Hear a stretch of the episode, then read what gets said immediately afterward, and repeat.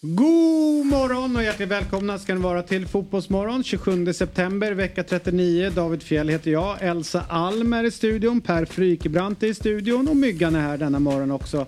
Och vilken morgon det är där vi inledde med Lisa Ek. Jajamän, vi pratar ner den lite svajiga insatsen mot Italien igår för damerna. Mm. Så hade vi Noah Bachter med oss också. Som diskuterar eh, Jens T Anderssons avhopp och vad är det som händer inom fotbollsförbundet just nu egentligen. Och sen så dök Magdalena Andersson upp. Ja, det har ju varit lite, lite kastning där kring, kring investeringarna i, i idrotten den senaste veckan så vi, vi reder ut det. Mm. Och sen konstabs Anton Hellström och Adam Axelsson. Precis, som intar Dramaten nu. Ja, dramatiskt värre. Verkligen. Allt detta och lite till i dagens avsnitt av Fotbollsmorgon. Tune in! Fotbollsmorgon presenteras i samarbete med Oddset, betting online och i butik.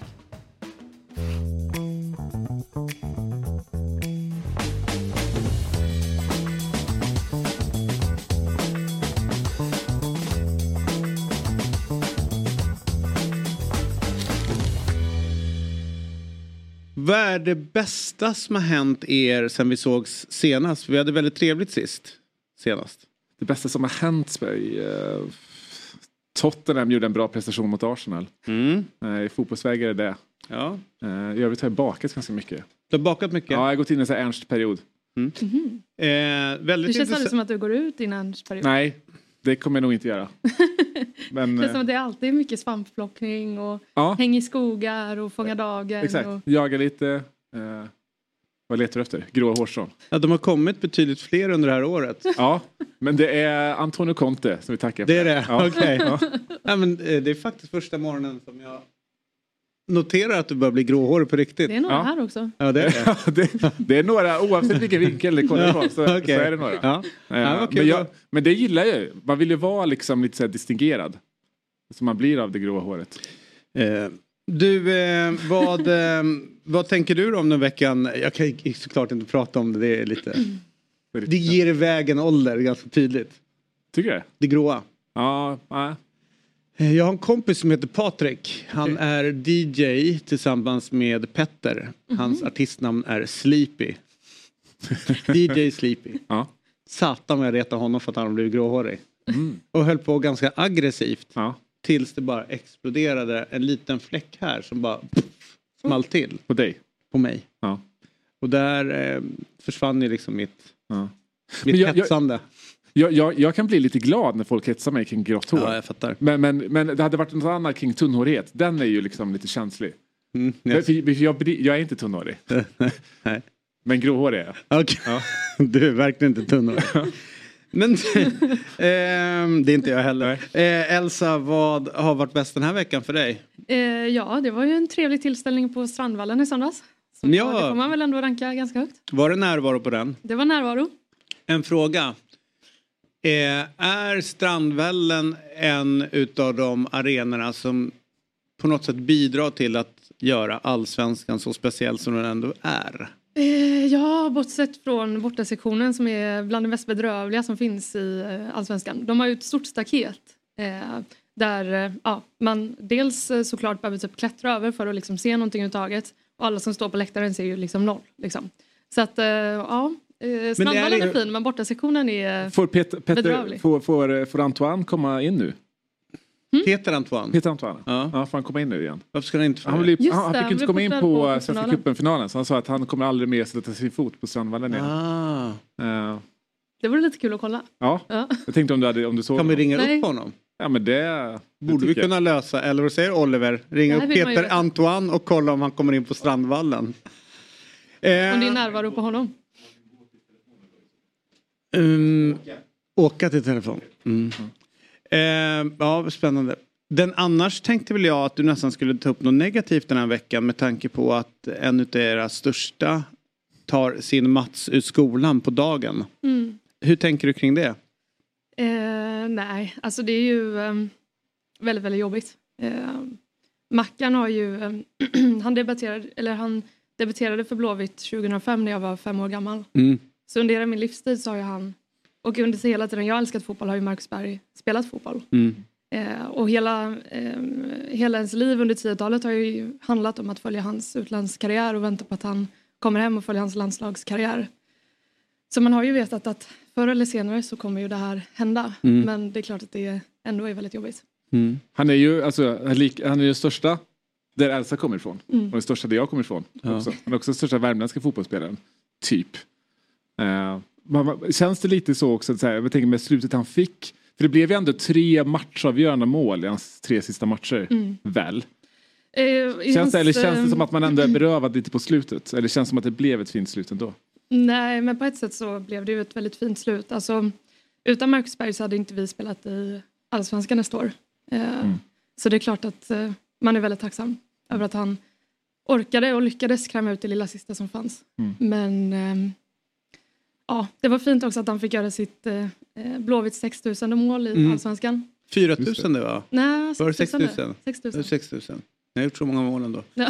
Eh, men, Bara de eh, senaste matcherna. Ja, exakt. Ja, men det, det är coolt när man kollar på hans stats också. Jag tror att det var 65 matcher sedan han kom hem och gjort 30 mål. Alltså det, det är ju liksom ungefär...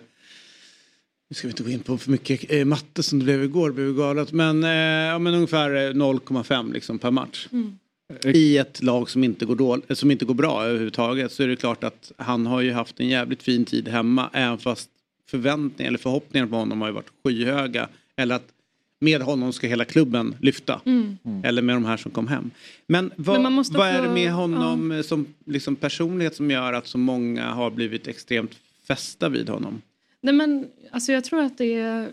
Alltså han är ju inte världens showigaste spelare liksom. Han är ju ganska, alltså, ganska lugn i intervjuer. Det är liksom inte så himla mycket spex runt omkring utan han är bara en, liksom, en hårt arbetande fotbollsmänniska liksom.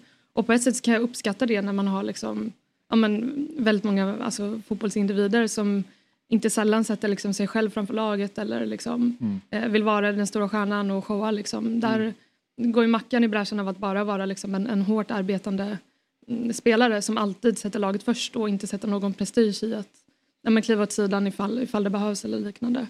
Och ehm, det är klart att man, man kan prata om att ja, men sen han kom hem så, så har det väl liksom varit jobbigt men det var ju liksom jobbigt för IFK långt innan han kom hem. Mm. Eh, det året som han och Oskar Wendt kom till Blåvitt 2021 så låg, ligger vi i bottenstriden. Eh, och han i princip krigar upp Blåvitt till en mittenplacering. Förra året så, så var vi någonstans ett mittenlag och ganska mycket bara för att Mackan ehm, ja, men på något sätt ehm, eh, putsade till det eh, som egentligen inte var så himla bra. Eh, och i år så har det varit ett jobbigt år för honom. Han har haft liksom en, en rygg som har krånglat och han orkade inte ha kollektiv träning under hela vintern utan hade liksom individuell träning och lyckas ändå i den situationen vi är i eh, komma tillbaka och visa varför han är en av allsvenskans absolut bästa spelare. Mm. Eh, så att eh, det sista han gör är att rädda oss kvar och det blir en fin cirkelslutning på något sätt. Framförallt sista han gör är att avgöra matcher mot Häcken. Ja. Alltså på något Ja. sätt tysta dem liksom. Ni ska inte tro att ni är något. Jag ska Nej. bara avgöra mot er, sen ska jag sluta spela fotboll och typ markera att vi är lite bättre än... Exakt. En lillebror på Ja. Hisingen. Men, men så nu, nu blir det avtackning då. Eh, och man måste ju göra någonting med badshorts i anslutning till den avtackningen. Annars är det ju inte godkänt för fem För öre. de som inte fattar, kan du berätta? Vilken match var det? Eh, ja, det, jag minns precis vilken match det är. Det är eh, 10 juli mot Varberg. Ja. En av de, eh, jag trodde att det skulle vara en av de mörkaste dagarna i mitt liv för att där och då så är vi ganska många som står på läktaren och, och gråter och är upprörda och tror att Blåvitt ska åka ur allsvenskan. Mm. Eh, och eh, då har vi förlorat mot Varberg med 2-1. Eh, Gustav Norlin slår in en, en straff eh, och någon sätter på Heja Blåvitt Mm. i typ minut 87, vilket inte riktigt var läge för. Eh, men efter matchen så är det såklart eh, väldigt många som är arga, ledsna, besvikna. Det är kvartssamtal både inne på arenan och sen utanför. Och Marcus Berg får höra att han inte har nätat sen Jesus eh, gick i badbyxor. Mm. Och där vände det. Ja. För det hade ju kunnat bli liksom minnet av Marcus Berg om man inte hade gjort de här avgörande målen i slutet och räddat kvar Blåvitt. Ja. Så hade minnet istället blivit hela badshorts situationen nästan. Efter liksom, jag vet inte hur många hundra mål i karriären. Ja, Eh, och det var ju ganska många som trodde att det skulle bli sista, sista sparken för Marcus Berg. där. Ja, Eh, ja. Att där och då så var det inte mycket som såg ut som att det skulle lösa sig för honom. Men han fick, efter det så fick han ju eh, Ja, men, eh, han blev bänkad några matcher och fick vila upp sig lite och sen kom han tillbaka som, som en ny människa och en ny spelare. Mm. Och det är ju väldigt tacksamma för. Eh, för hade inte han nickat in 2-1 mot Degerfors då hade vi inte heller varit i den situationen vi är i nu där vi faktiskt kan, kan andas lite. Nej, precis. Hörru du, ehm, jag tänkte lite grann på, vi, vi ska ha eh, Noah Bachner här eh, idag. Ja. Och prata lite grann om eh, den här brytningstiden någonstans som svensk fotboll är inför nu med, vi ska välja en ny eh, generalsekreterare, det blir en ny landslagschef, det blir en ny förbundskapten och, och du vet sådana saker. Eh, och va- vart vi ska ta vägen, relativt ny ordförande och sådär. Eh, Jag vet att du gärna vill prata om Jens T Andersson. Tror du att vi ska göra det där så att vi liksom bakar ihop det? Därför att han har ju då lämnat jobbet eller positionen som landslagschef och Ja. ska flytta till Azerbajdzjan. Precis. Av alla ställen. Eh, det, vi kan absolut eh, s- spara sen till, till, till Noah som har väldigt kloka, kloka tankar där. Man, man blir ju där bara lite kort kring Jens. Det är klart att här, han eh, gör ju sina val utifrån vad han tycker är bäst för, för sin karriär. Så. Eh, men det blir ju liksom, det är ganska mycket frustration som kommer utifrån ifrån det som han får ta emot lite nu. Eh, och man känner ju ganska mycket frustration kring förbundet nu. Att inte ens när, det, behöver inte ens vara landslagssamlingar för att det ska liksom grävas nya, eh, vad ska jag säga, Är det inte för att det är just en brytningstid någonstans? Att det, saker bryts av eller bryts upp eller letar en ny väg framåt med en ny ordförande, en ny generalsekreterare på väg in. Där ändå svensk fotboll, många kräver att det ska liksom göras någonting nu. Något form av omtag. Ja, precis. Men jag tror också att det, liksom, det symboliserar någonting, någonting större också. Alltså, jag är ganska van vid att kunna slå mig för bröstet och säga att Sverige är liksom världens bästa land, alla kategorier. Men just nu precis, känns det lite som att Sverige har blivit ett ganska dåligt land. Blir utmanade av Norge. Ja, men vi, vi, vi saknar ansvarstagande och eh, ledarskap i liksom alla viktiga institutioner i, i samhället. På den finansiella, i den finansiella institutionen, Riksbanken i spetsen, eh, saknar helt ansvarsutkrävning. Där har man experimenterat med ekonomin så till en milda grad att vår liksom, attraktionskraft, vår valuta, vår inflation mest går att likna med Turkiets, Rwandas, Venezuelas på den, i den politiska institutionen. Vi har uppenbara utmaningar med allt ifrån barnmatvapen som avrättar andra barn till ett havererande klimat.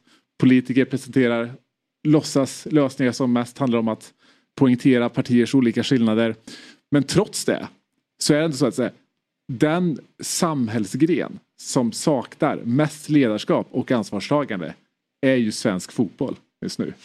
Och nu kräver vi, eller jag, en haverikommission för att utreda hur liksom Sveriges största folkrörelse liksom har kapats av på något sätt ansvarsflyende ruggdynk, rugg, ryggdunkande män. Så kan det vara. Ehm, Du, jag, håller- du håller inte med? Nej, jo, alltså till visst. Jag, jag är bara... Eh, mm, det är liksom inte ens åtta än och jag är inte redo för att gå in i polemik med någon. Men eh, jag håller... Eh, jag säger inte emot och eh, jag tycker att det finns någonting i det här som också är ett tecken på vår samtid där folk kanske inte går in och jobbar eh, ideellt eller går Nej. in i en förening och bidrar och liksom tar jobbet. Mm. Eh, närvaro helt enkelt. Eh, och det där är någonting som jag kanske tycker vi kan prata med Magdalena Andersson om. Eh, därför att eh, vi, vi bygger ju vårt samhälle väl, väldigt mycket på ideella krafter. Eh, och att den här, den här folkrörelsen ska gå runt. Mm. Men så funkar inte, så ser inte samhället ut 2023. Eh, Och kanske är det dags för en, annan struktur för hur vi ska organisera. Och eh, kanske absolut. även politiskt också för de tappar ju också eh, medlemmar. Det var ju jävligt roligt apropå det här. Det är inte bara fotbollslag och, eller du vet eh, innebandyklubbar eller du vet så här som har lite problem med nyrekrytering utav ideella krafter. Eh, jag satt och pratade med Noah för ett tag sedan och då konstaterade vi att även NMR verkar ha problem med en nyrekrytering Yes. utav, Yes. utav eh, alltså ideellt arbete. De har inte folk som vill sitta i styrelsen och du vet, så här, jobba på och så. Hör så det står verkligen genom all, över hela, Ja. liksom, överallt. Är du en kandidat, och när, David? vad säger du? Är du en kandidat där? Nej men det är det Gör som är lite lite roligt när de ändå står där och sitter på sina möten. Så, vet, vi måste väl kunna hitta någon som skulle kunna tänka sig vara nazist igen och kanske vara sekreterare. Alltså det är ju, det finns ju någonting i det där som är eh, tragikomiskt med att vi, ja. inte ens de får ihop sina människor. Nu ska vi eh, vända blickarna mot, eh, och, och, det är inte bara för att jag pratar om, eh, om NMR som vi ska ta oss till Italien. Men det var en brygga. Ja, det var en brygga. Som inte ens eh, P3 klarar av. Eh, men strunt samma. Vi ska ta oss till en kompis till mig eh, och hon är helt fantastisk. Vi har jobbat ihop och hon har spelat på den allra högsta nivån i fotboll. Både internationellt och nationellt. Eh, och efter många skador, mycket jobb och ett jävla pannband så lyckas hon uppfylla sin eh, barndomsdröm att bli proffs i Italien. Vilket jag tycker är så jävla coolt att som litet barn tänka där ska spela och sen så lyckas man med det och en gång. Och vilket land! Ja. Och Florens, eh, Italien, Italien och Florens. Eh, och eh, sen efter det hållit kvar och varit en pionjär på eh, agentsidan. Eh, också då tjej i en väldigt mansdominerad värld. Och jag lovar dig, det finns ingen som ser fler matcher på damsidan än Lisa Ek. Så vi är jäkligt glada över att ha med Lisa den här morgonen. Och som alltid så sitter hon i ett supertrendigt eh, bygge eh, nere i Florens. Jag kommer ihåg en gång när jag var där nere och frågade så här, ska jag, kan jag få följa med och kolla hur du bor? Då sa hon att eh, du har inte liksom stilen nog för att ta dig till mitt område. Så vi fick se ner på en ganska trött eh, café nere i centrala Florens. Men skitsamma. Här är hon i alla fall. Min kompis, agenten för detta fotbollsproffset och fotbollsstjärnan Lisa Ek. Välkommen till Fotbollsmorgon! Tack så mycket! Vad mycket bullshit! Ja, vi vet hur det är. Det snacket som var innan om eh, ansvar och det där. Alltså det är så spot on. Det gäller varenda liksom, grupp men det gäller också varenda individ tycker jag. Mm. Hur mår du? Eh, alltså det är riktig jävla cirkus här kan jag säga. Det är, min sambo halkade i ena ungens kiss.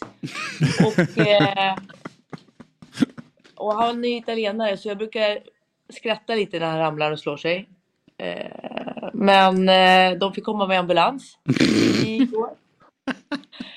Och då kommer de, i Italien kommer de först med en ambulans och då kommer det ut människor som man tänker så här, fan, det här är ju festivaldeltagare. Liksom. De ser ut som de är 17 år gamla och kommer med. Ja, jag, jag tänker festival. Mm. Eh, som de har kommit ut från tälten precis.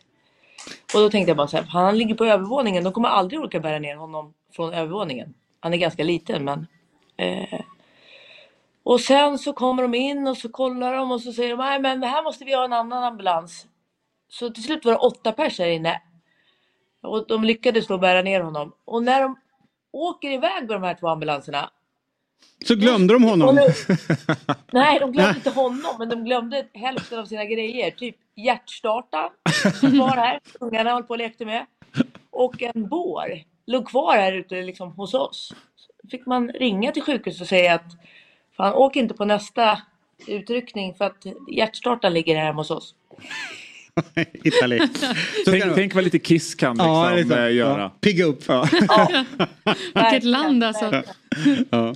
Men du Lisa, eh, Italien 0, Sverige 1. Eh, ja, det var väl inte, kanske inte den, den vackraste av insatser och matcher men det var, blev viktiga tre poäng. Ja, man fick ju kämpa igår även som, som tittare tycker jag för att hålla något slags fokus. Det var fruktansvärt tråkigt att se. Varenda jävla passning gick ju fel. Mm. Eh, men på något sätt kändes det också som att när eh, bristen på inspiration från omgivningen faktiskt kokades ner i den matchen. Från, från båda lagens håll. Det var några som tyckte att Italien gjorde det bra. Jag tror tränaren uttalade sig att han var jättenöjd. Men det var en jävla skitmatch rakt över tycker jag.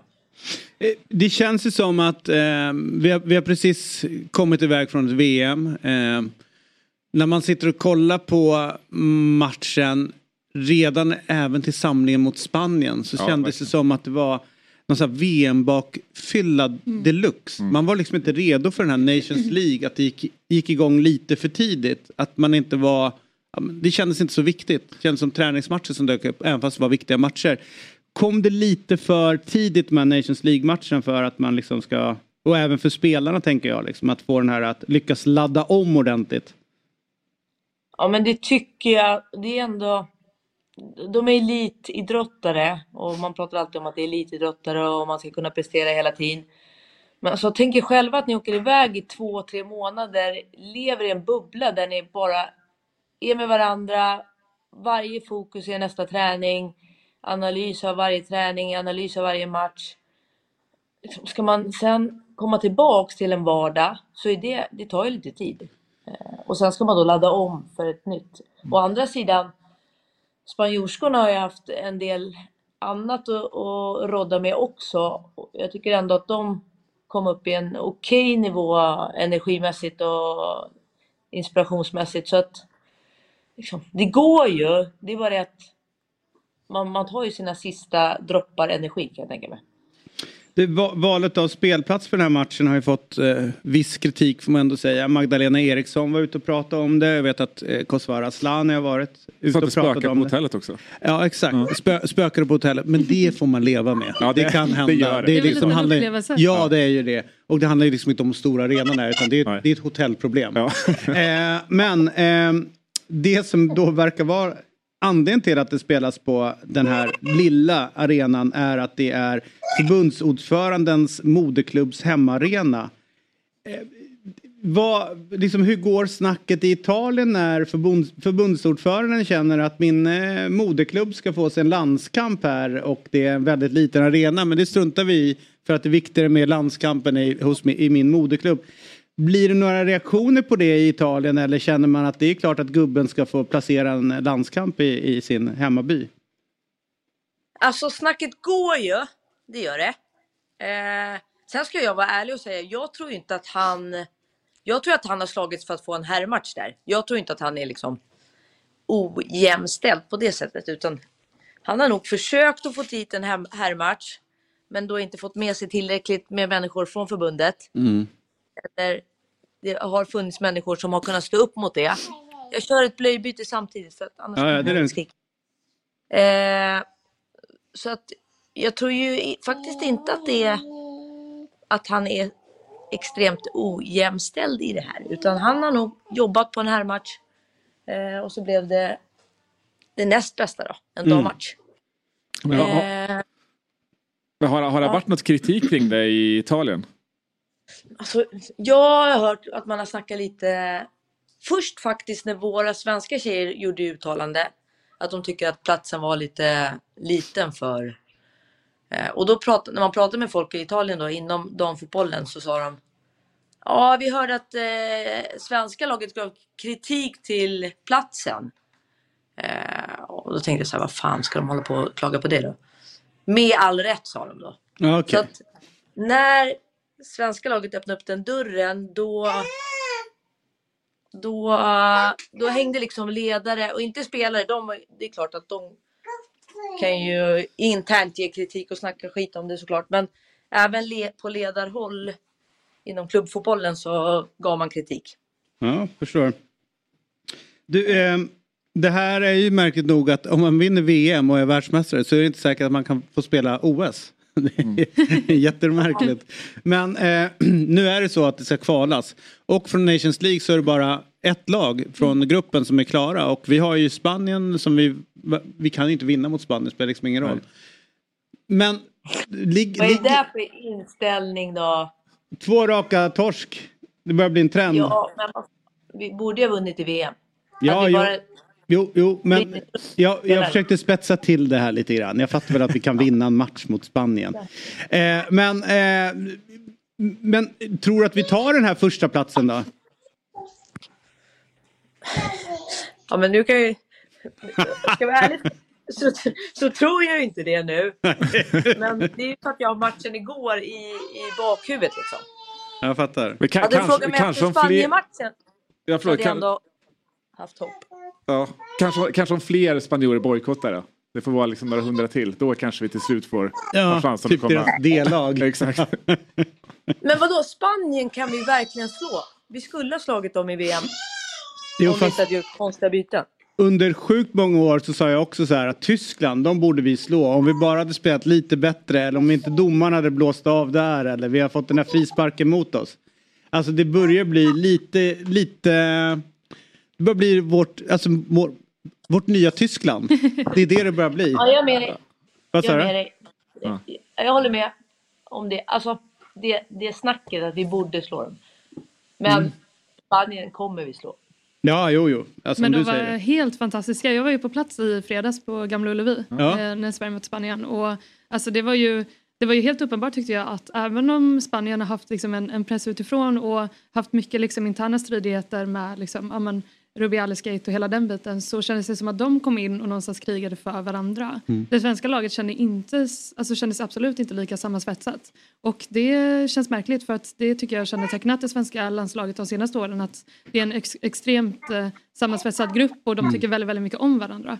Och det såg man inte riktigt under den här samlingen tyckte jag. Nej, alltså matchen igår påminner mer om herrarnas playoff mot Italien 2017. Än vad man liksom trodde att den eh, eh, svenska damen mot Italien skulle, skulle göra. Nu känner man lite så här, fan ska det bli en mästerskapstorka på damsidan också? Nej, det, tror jag inte. det- Men däremot så, det där stolpskottet italienarna drar. Ja. Det är ju bland, för... det, är eh, riktigt, det, är, det är Ja, snyggt. och att de har ju ställt, eh, kam kameran stod ju i vinkel helt Ja. perfekt för Ja. just det stolpskottet. Ja, man, man ser tunneln liksom, ja. genom spelarna. Ja. det var, Nej, det var helt enormt. Men du, den stora diskussionen annars, eller som de försökte hetsa igång, eh, var ju eh, Falk eller Musovic som målvakt. Eh, och det blev Ja. en ganska stor grej. Vad, vad tänker du kring det? Hej! Fabian Ahlstrand från Dobb här. Jag vill tipsa om att 08 Fotboll är tillbaka som podcast helt fritt där poddar finns.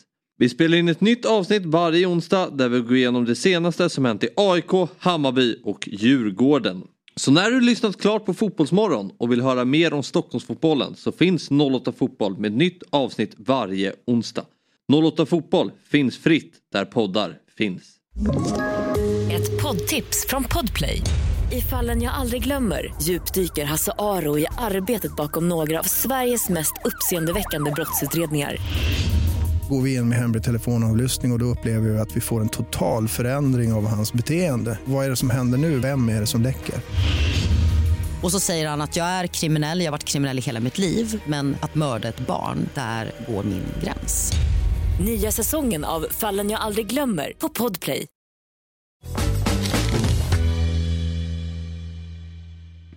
Men jag tänker, alltså det är skitbra målvakter. Falk har ju varit helt överjävligt bra i damallsvenskan. Eh, så att gå in i VM. Jag tror det var många som trodde att Falk skulle vara första målvakt. Mm. Och med det sagt så är det ju på samma sätt som att man har två utespelare som är så extremt, extremt jämna och på en väldigt, väldigt hög nivå. Att jag, jag tycker det är naturligt att låta eh, Falk få chansen i en sån här match faktiskt. Jag tycker det. Mm. Vad tänker ni? Ja, nej, men eh, alltså på ett eller annat sätt så eh, när det ändå finns en, en konkurrens och att de är så pass jämna så är det väl naturligt att båda får chansen lite då och då och se vem som tar den så att säga. Eh, och att om du någon gång ska göra en rotation och, och kanske ge Falk chansen så är det väl nu i, liksom, borta mot Italien. Eh, där det faktiskt också, ja men dels finns en chans att bevisa sig men, men kanske också där Sverige är lite mer favorittippade ändå. Eh, så att det, är väl, det är väl naturligt att man, man testar. Ja, precis. Och, Och jag tror, inte- jag tror inte att eh, förbundskaptenen tänker så faktiskt. Jag tror att han tänker att han vill ha den som han tror är bäst mot Italien. Eh, så att jag tror inte det finns någonting i det som är att, att han eh, ställer en som är lite, kanske lite svagare för att det är Italien som ska vara lite svagare. Utan jag tror att de är, de är så jämna att, eh, att han tycker att den veckan är Falk bättre helt enkelt. Hon är väl också den enda som kommer undan med godkänt från igår. Äntligen. Absolut, alltså, det finns väl inget hon hade kunnat gjort mer. Nej. En bra match. gått upp på en hörna och nickat in det. Mm. Härligt! Du eh, Lisa, när beger du dig till Sverige nästa gång? Eh, alltså jag var ju också på matchen i fredags. Mm. Men det var Göteborg. Helt rätt Lisa, helt rätt. Framsidan. Nej men jag kommer väl om, vad är det nu då? Fyra veckor tror jag. Härligt! Då kanske du kan komma förbi studion imorgon. Absolut! Lämna, Varje bar- morgon. ja, men lämna barnen hemma hos eh, mamma och, och Rasmus så kan du få lite en egen tid här på morgonen i studion. Eller ta med dem. Ja. Få lite härlig tid. Ja. Akta, dig, akta dig för allt kiss vi har på Ja, ja, massa ramlande kiss där ute i Ja, köket. precis. Passar det Otto, Otto och skvätter. Eh, men du, eh, tusen tack för den här morgonen Lisa. Tack så mycket hörni. Hälsa familjen, kul att se dig. Hej. Hej. Samma hörni. Ciao, Eh, ciao. Ciao, ciao. Ja, det var en, eh, en landskamp. Det som ändå är den här mästerskapstorkan du pratar om så tänker man ändå så här att de, de är ju ändå på en nivå där de kan spela klappkass och vinna mot Ja. Italien borta. Sen Ja. så var det på håret och, och, och så vidare men det finns ju där och att Sverige spel, ja, var ju fruktansvärt eh, dålig kvalitet igår. Precis. Men ändå så det viktiga och någonstans tycker jag att i VM-slutspel egentligen ligger vad som helst. Om man får in tre poäng på kontot. Då Ja. är det så här. Då Nej, har gjort så- det man ska. Så är det absolut. Det, handlar, alltså, så här, det här handlar inte om att liksom, matchen igår. Jag menar, man får göra en dålig match bort Mm. mot Italien. Det är ett styrkebesked att ändå få, få, få med sig 1-0 hem. Men vi kommer ju missa det där OSet. Nej, Jo, det kommer vi. vi kommer få fler chanser. Ja. Det är väl inte bara de här ettorna och sen så är det inget mer utan man måste väl få någon så här uh, losers. alltså man har chans som... Lucky loser. Ja, precis. Ja, Så att andra, de tvåorna kvalar på något sätt. de får införa det i så fall. Alltså det är bara ettorna. Det är väl som- bara ettorna. Är och sen så är det ettorna som eh, kvalar mot varandra Mm. i någon... på något Jaha. sätt. Det är väldigt hårt. Men hur många platser är det i OS? Är det typ fyra eller? Direkt till semifinal utan passera gå? Ja, exakt. Lite så som eh, EM var i början på 2000 eller 90-talet. 90-tal, åtta lag. Ja, Ja. exakt. Det, blir var- lite urholkat. Alltså, frågan är hur länge damerna också kommer köra OS eller om de också börjar bli för stora för. Ja. Alltså, Nej, jag känner nu att så här, om inte vi går till OS, då är det dags att börja bojkotta verkligen. eh, OS-fotbollen. Då räcker det som turnering. Liksom. Ja. Ja. Men det där är ganska intressant därför att på här sidan så betyder ju inte OS någonting. Alltså man, man, det är liksom U20, Plus med U23 Brasilien. eller ja, knappt det. Nej. Om de, om de vinner så bryr de sig men om de inte Ja. vinner så är det så här, ja ja, Ja. det är vad det är. Men det är för att VM är så mycket större. Nu när man såg det som hände i Australien och Nya Zeeland hur VM-turneringen växte och blev större, intresset, Mm. fler som, ja. Och då kan man ju argumentera för att OS, jag såg någonting som SVT la upp eh, igår. De hade en sån här eh, public service-dag brukar det kallas för. Där de bju- bjuder in, eller om det var förrgår, bjuder in alla eh, specialförbund, de flesta i Sverige för att berätta om liksom, vad SVT ska göra framåt och eh, liksom hur tv-marknaden ser ut och så. Och de är ju såklart eh, rasande glada, glada över att få tillbaka OS. Mm. Det är ju liksom, nu finns de igen. Gud vad roligt att det ska gå på SVT. Ja, eller hur? Det känns som ens barndom. Ja. att sitta och kolla på Ja, Verkligen. idrott. Och ingen och... reklam heller. Det Nej, vad härligt, alltså. eller hur? Jag tycker det är, det är fan min hjärtefråga. Alla mästerskap ska visa på SVT. Det Alltså, var det bästa verkligen, jag har hört! Ja. Men ehm, så nu eh, så är ju tillbaka där det hör hemma. Man kon- konstatera. Verkligen. Ska inte vara på några konstiga kanaler. Inga betalkanaler Nej, nej, nej. eller- Det ska vara på SVT. Ja. Verkligen. Jag är oerhört konservativ där. Ja. Så jävla mysigt. Mm, du är också sosse. Men ehm, ehm, skitsamma, då har de pratat om, nu tappar jag nästan tråden vad vi ska prata om för jag blev helt fast vid din politiska gärning här. kan jag konstatera att public service kommer leva vidare Ja. gäng år till med tanke på att den blivande statsministern här sitter och, och hyllar SVT. Det, det, vi ska ju samla lite dirt på henne så att vi kan få henne att liksom styra henne i de frågorna. Mm. grann. Mm. Tänk Men man vi- vill liksom inte se reklampausen när Glenn Hysén ska tippa matcher. Alltså, Nej, vill inte göra det. nej det vill man verkligen inte. Nej. Men när du är statsminister då är det Mackan Berg som sitter där. Nej. På fan. värmländska. Fan, Ja, alltså. dra lite ordvitsar. Det är show är det. Du, jag tror att han kommer få en betydligt värdigare pension än eh, Det skulle jag inte vara så övertygad om. Knappast! En, Jag tror inte det. farfar Knappast! Glenn. Alltså. Han kommer sitta och göra en jävla Bingolotto. Det kommer han göra. Och det kommer vara också jättetråkigt att kolla Grattis, på. det blev färgfemma den här veckan. Ja, men tack Där har vi en människa som aldrig Ja. liksom ändrar tonläge. Det är liksom... Ja, nya nya bingobärra. Åker runt liksom lite såhär postkodlotteri eh, ambassadör. Berraberg. Exakt. Bingoberg. Bingoberg. Mäktiga Mackan alltså. Ja, Bingomackan. Fan vad roligt att han fick sitt smeknamn Bingo efter han slutade. Vad var det du skulle säga? Nej men jag kommer inte på det. Men låt oss gå vidare i tv-världen Ja. och eh, landa in i det som händer på fredag. Vet du vad som Ja, släpps? oh, ja, det stora släppet. Nej, det är inte så. Jo, men det är så här man håller, eller hur? Ah, Eh, jag vet inte. FIFA. Nu börjar jag inse varför du har problem med Är det spelet. så, eller? Ja, exakt. Så skulle jag göra. Det är de här som är lite svåra Tre, problem med tre jobba fingrar. Tre? Du jobbar med dubbel L1, L2, R1, Ja, men alltså R2. per, per hand liksom. Jaha. Ja. Okej, det är i alla fall det vi pratar om är att FC24, Ja. det är en eh, uppgradering deluxe, ska man väl säga. Det har hänt grejer med spelmotorn. ja, jag Det bara det. Ja. smattrar till där hemma. Det är skithäftigt. ja, verkligen. Eh, så att det släpps på fredag.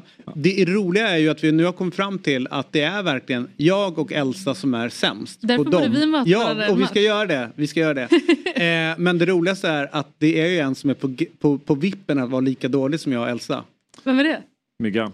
Yes! Är det sant? Myggan ska tydligen vara Vi ska köra en turnering. Ja, men, fan vad bra. men det sjuka jag har ju mött honom. Ja. Och han är mycket bättre än vad jag är. Ah. Men han är mycket sämre än den som är liksom precis ovanför honom i, i hierarkin. Så att vi är verkligen Varberg. och han är Degerfors. Ja. Och sen så är de andra liksom där uppe någonstans. Ja. Eh, Vi kör och så kör vi Degerfors, Sirius och Varberg. ja, då vill jag gärna vara Sirius. Ja. Nej, det, nej, Degen. Men det vill ja. jag vara, det är mitt gäng. Och kan man få med Ulf Ottosson då eller? Mål-Otto? Ja, Go- Go-Lotto. ja. Ja. Ni har hört den historien? Ja. Han, eh, Ulf Ottosson är den som har gjort flest mål i, för Degerfors Mm. genom historien. Och jag tror att han har gjort näst flest matcher. Det här är ju liksom en riktig legendar Mm. i, eh, i Degen. Och han hade ju liksom en säsong när han gör hur många mål som helst. Och på den här tiden så jobbade ju folk ganska hårt med telefonsvarare. Mm. Eh, och det var ju liksom eh, innan då säsongen eh, och under säsongen innan målen började ramla in så var det så här. eh, Hej, jag kan tyvärr inte svara. Eh, hej, du har kommit till eh, målort och jag kan tyvärr inte svara just nu. Men lä- lämnar ett eh, meddelande efter, efter tonen då. Vilken kung. Men under säsongen när han inser att han håller på och sprutar in mål. Det här kan ju bli utlandsjobb för mig nästa säsong. Då är det följande. Hello, you reach goal Otto. och kör det på engelska. Det är så jävla mäktigt. Vilken jävla kung alltså. Ja, när han inser Fan, att jag, det jag är på väg ut i Europa. Och vi har ju, Han känner vi, vittring. Ja. när vi har pratat med Degerforsare från den tiden, ingen har ju dementerat Nej, nej. det här. Liksom. Och vi måste ringa upp honom. Jag Ja. på... Gud vad roligt. Ja, det är så bra. Så det... Stolta Degerfors alltså. Ett av mina favoritlag. ja. Men det är ett gäng artister som medverkar i årets eh, FC24 också.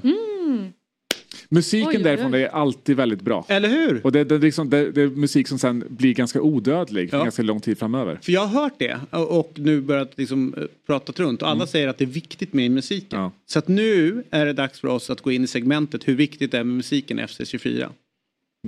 Och då säger jag eh, Kendrick Lamar. Lamar. Ja, Han är med. han, han är med. Ja. Ja. Och sen så har vi eh, eh, Jack Harlow. Okej, oj. Mhm. M83. Central C. Skrillex. Fred Again. Stormzy och The Rolling Stones. Oj, Ja. wow. Vilken otrolig line-up. Vi, vi Eller hur? vilka låtar Alltså hade de här nya. stått upp på Way Out West så... Hade du varit där? Ja, men... Ja. Du har varit närvaro. Faktiskt. Närvaro. Närvaro. Ja. Jag fattar. Det är klart att, det, att du hade varit där. Nu gör vi så här. Vi är eh, alldeles, alldeles strax tillbaka. Men innan vi lämnar och tar en paus så vill vi tacka EA Sports och eh, FC24. Släpps på fredag. Så var där hugget och sen som ni har tur så kanske ni kan få eh, utmana mig eller Elsa i en match. Beror på hur dåliga ni är. Vi är strax tillbaka. Dagens avsnitt görs i samarbete med Telia som gör det möjligt att samla alla dina favoritsporter på ett och samma ställe. Följ bland annat Premier League, Champions League, seriespelet i SHL och slutspurten i Allsvenskan. I Telia Play-appen sänds alla matcher live men går också att se i efterhand. För 649 kronor i månaden får du dessutom tillgång till film och serieutbudet inte bara hos Telia men också hos Viaplay, TV4 Play och HBO Max utan extra kostnad. Så, att samla sporten smartare och dessutom få en massa extra på köpet, det är Telia. Ett poddtips från Podplay. I fallen jag aldrig glömmer djupdyker Hasse Aro i arbetet bakom några av Sveriges mest uppseendeväckande brottsutredningar. Går vi in med hemlig telefonavlyssning och, och då upplever vi att vi får en total förändring av hans beteende. Vad är det som händer nu? Vem är det som läcker? Och så säger han att jag är kriminell, jag har varit kriminell i hela mitt liv men att mörda ett barn, där går min gräns. Nya säsongen av Fallen jag aldrig glömmer på Podplay. Då är vi tillbaka i Fotbollsmorgon. Eh, vi har ju haft flera älskvärda och stora namn här genom året, under året. Vi har fått besök av politiker, ministrar och andra makthavare och även då fotbollsspelare faktiskt. Men nästa gäst är på en helt ny nivå för oss. Hon är partiledare för Socialdemokraterna och 2021 blev hon historiskt hon till Sveriges första kvinnliga statsminister. Men framför allt så är hon faktiskt Hammarbyare. Och det tänkte jag börja med någonstans. Magdalena Andersson, välkommen hit. Hur kan man landa i Bayern när det finns så många härliga klubbar att välja på? Man bor på Söder. Ja, okay, där har vi det. Right. jag är ju inte det längre. Men, ja, eh, det var där jag bodde först när jag flyttade till Stockholm. Mm. Men har du följt eh, Bayern liksom så att du har gått på matcher och, och så? Nej. Det, det, är det ärliga svaret. Ja, och det hedrar dig. Tack. Tack. Eh, du, eh, jag satt ju och kollade på den här äh, dagen och från riksdagen när du blev utsedd till Sveriges första kvinnliga statsminister och jag tyckte det var stort och var äntligen, det är klart vi ska det och jag ska hjälpa Elsa till att få samma position om några år. Eh, men du, du behöver inte känna dig hot, hotad ja. än, hon har några år kvar. Ja. Och då tänkte jag så här, varför finns inte en sportjournalist på plats nu som kan ställa den enda rimliga frågan? Hur känns det? Alltså när du satt där inne och, eh, för det måste ha varit väldigt mycket tankar, för det var ett historiskt ögonblick. Mm. Hur var det? Jag blev ju väldigt rörd eh, då, ska jag säga, så att det följer faktiskt en tår. Mm. Så det kändes eh, ju stort och väldigt, väldigt ansvarsfullt. Mm. Sen blev det ju möjligen kanske ännu mer ansvarsfullt ja. än jag förstod då i och med att det mm. utbröt ett krig, fullskaligt mm. invasionskrig för första gången sedan andra världskriget i vårt närområde. Men eh, även där och då kändes det ju som ansvarsfullt. Ja. Men du, det jag inte riktigt får ihop det är ju att du är från den fina staden Uppsala från början och där finns ju ett lag som heter Sirius. Sirius. Ja, varför, varför duckar du dem? Ja, det var nog att Bayern kändes härligare. Sirius är också, ska jag säga, lite bättre idag än de var 1987 när jag ja, flyttade ja. till Stockholm. Mm. Mm. Men, men, känner du att du kan byta lag? Nu? Nej, man kan aldrig byta från Nej. Bayern. Nej, inte ens när det är till liksom blods, blodsbanden? Nej. Nej. Nej. Bayern sitter för djupt? Bayern sitter djupt i ja. hjärtat. Ja, det är bra. Du, innan vi kommer in på lite frågor som det ändå har varit eh, och eh, i, i media nu sista dagarna så har ju du ändå en idrottsbakgrund som är spännande. Elitsimmare. Mm. Och ni tränar ju lite hårdare än alla andra. Ja. Hur, var, hur var det? Och vad jag förstår så slutar du bara från en dag till en annan. Alltså, hur var din aktiva karriär och, och träning och varför slutade du? Nej men eh, man simmar ju mycket så att jag hade ju morgonträning tre kvällar före, eh, tre, tre månader före skolan eh, och sen alla vardagskvällar. Och sen på helgen var det antingen träning eller tävling. Så att man tränar ju åtta till nio gånger i veckan, veckan och så tävlingar ovanpå det. Mm. Då, det var bra. Eh, det var ett kul gäng såklart, mycket sammanhållning men man lärde sig också disciplin mm. Mm. och fokus. Ja. Det har jag haft stor nytta av sen i arbetslivet. Sara Sjöström, är hon, alltså, du som ändå hållit på med det, hur imponerande är hennes gärning? Eh, oändligt imponerande, fantastiskt verkligen. Mm. Och orka hålla på. Ja, och motivationen Ja, tänker man precis. när man har satt, satt med världsrekorden och vunnit alla de här grejerna och ta jobbet ändå, om och om igen. Och nu tränar de väl dessutom ännu mer än vad Mm. man gjorde på min tid. Jag tänkte nästan börja i sportdelen nu när vi ändå kommer in med motivation och koppla ihop det lite grann till din politiska gärning. Du har ju haft det högsta jobbet eh, och sen så när man inte har det, det är nästan som att ta ett steg tillbaka. Du har varit utlandsproffs och kommit hem till allsvenskan. Där har vi sett folk som har problem att liksom hitta motivationen eh, när man liksom går ner ett steg. Hur gör du för att liksom inte känna att jag har rattat regeringen, jag har styrt Sverige och nu sitter jag i opposition. Det blir ju liksom ett steg ner. Vad finner du kraften i det? det är samma kraft som alltid har drivit mig eh, till att bli politiskt engagerad. Är, jag är arg över orättvisorna. Mm. Att det spelar så stor roll var någonstans i Sverige eller världen man föds, vilka föräldrar man har för vilka möjligheter man sen har i livet. Det är orättvist och jag vill ändra det. Mm. Och sen, det är liksom den drivkraften jag alltid haft och den hade jag när jag satt i regering i åtta år och den har jag varje dag jag går till jobbet i opposition. Och där ju utvecklingen tyvärr går åt helt fel håll med den här regeringen. Mm. Eh, det är ju så att fotbollen som eh, verktyg eller som redskap eller vad man nu ska säga det eh, och, liksom i samhället och, och det, det fotbollen bidrar med, många pratar om integrationen eller eh, att man har en meningsfull sysselsättning eh, så som barn på kvällar och sådär. Eh, borde ni ha satsat mer på fotbollen och, och hjälpt fotbollsklubbarna i deras samhällsbärande uppgifter som de ändå tar på sig? Det kan man absolut diskutera om vi skulle ha gjort mer för fotbollen eh, och annan idrott naturligtvis. Det är ju, det är ju ett eh, otroligt viktigt möjlighet för ungdomar att få ett sammanhang, eh, att växa, känna stolthet, ha en identitet och tillhöra. För det är ju, det är ju en av de sakerna som lockar med de kriminella gängen. Mm. Det är ju stat, alltså tillhörighet, gemenskap och också status. Precis det kan ju också idrott och idrottsklubbar ge. Mm. Det är en sån viktig motvikt. Och sen ska vi säga, sen är det också viktigt för föräldrar. Att eh, vara förälder till barn som idrottar gör ju också att man får en gemenskap med andra föräldrar. Mm. Är med i en demokratiskt styrd organisation och blir också demokratiskt fostrad.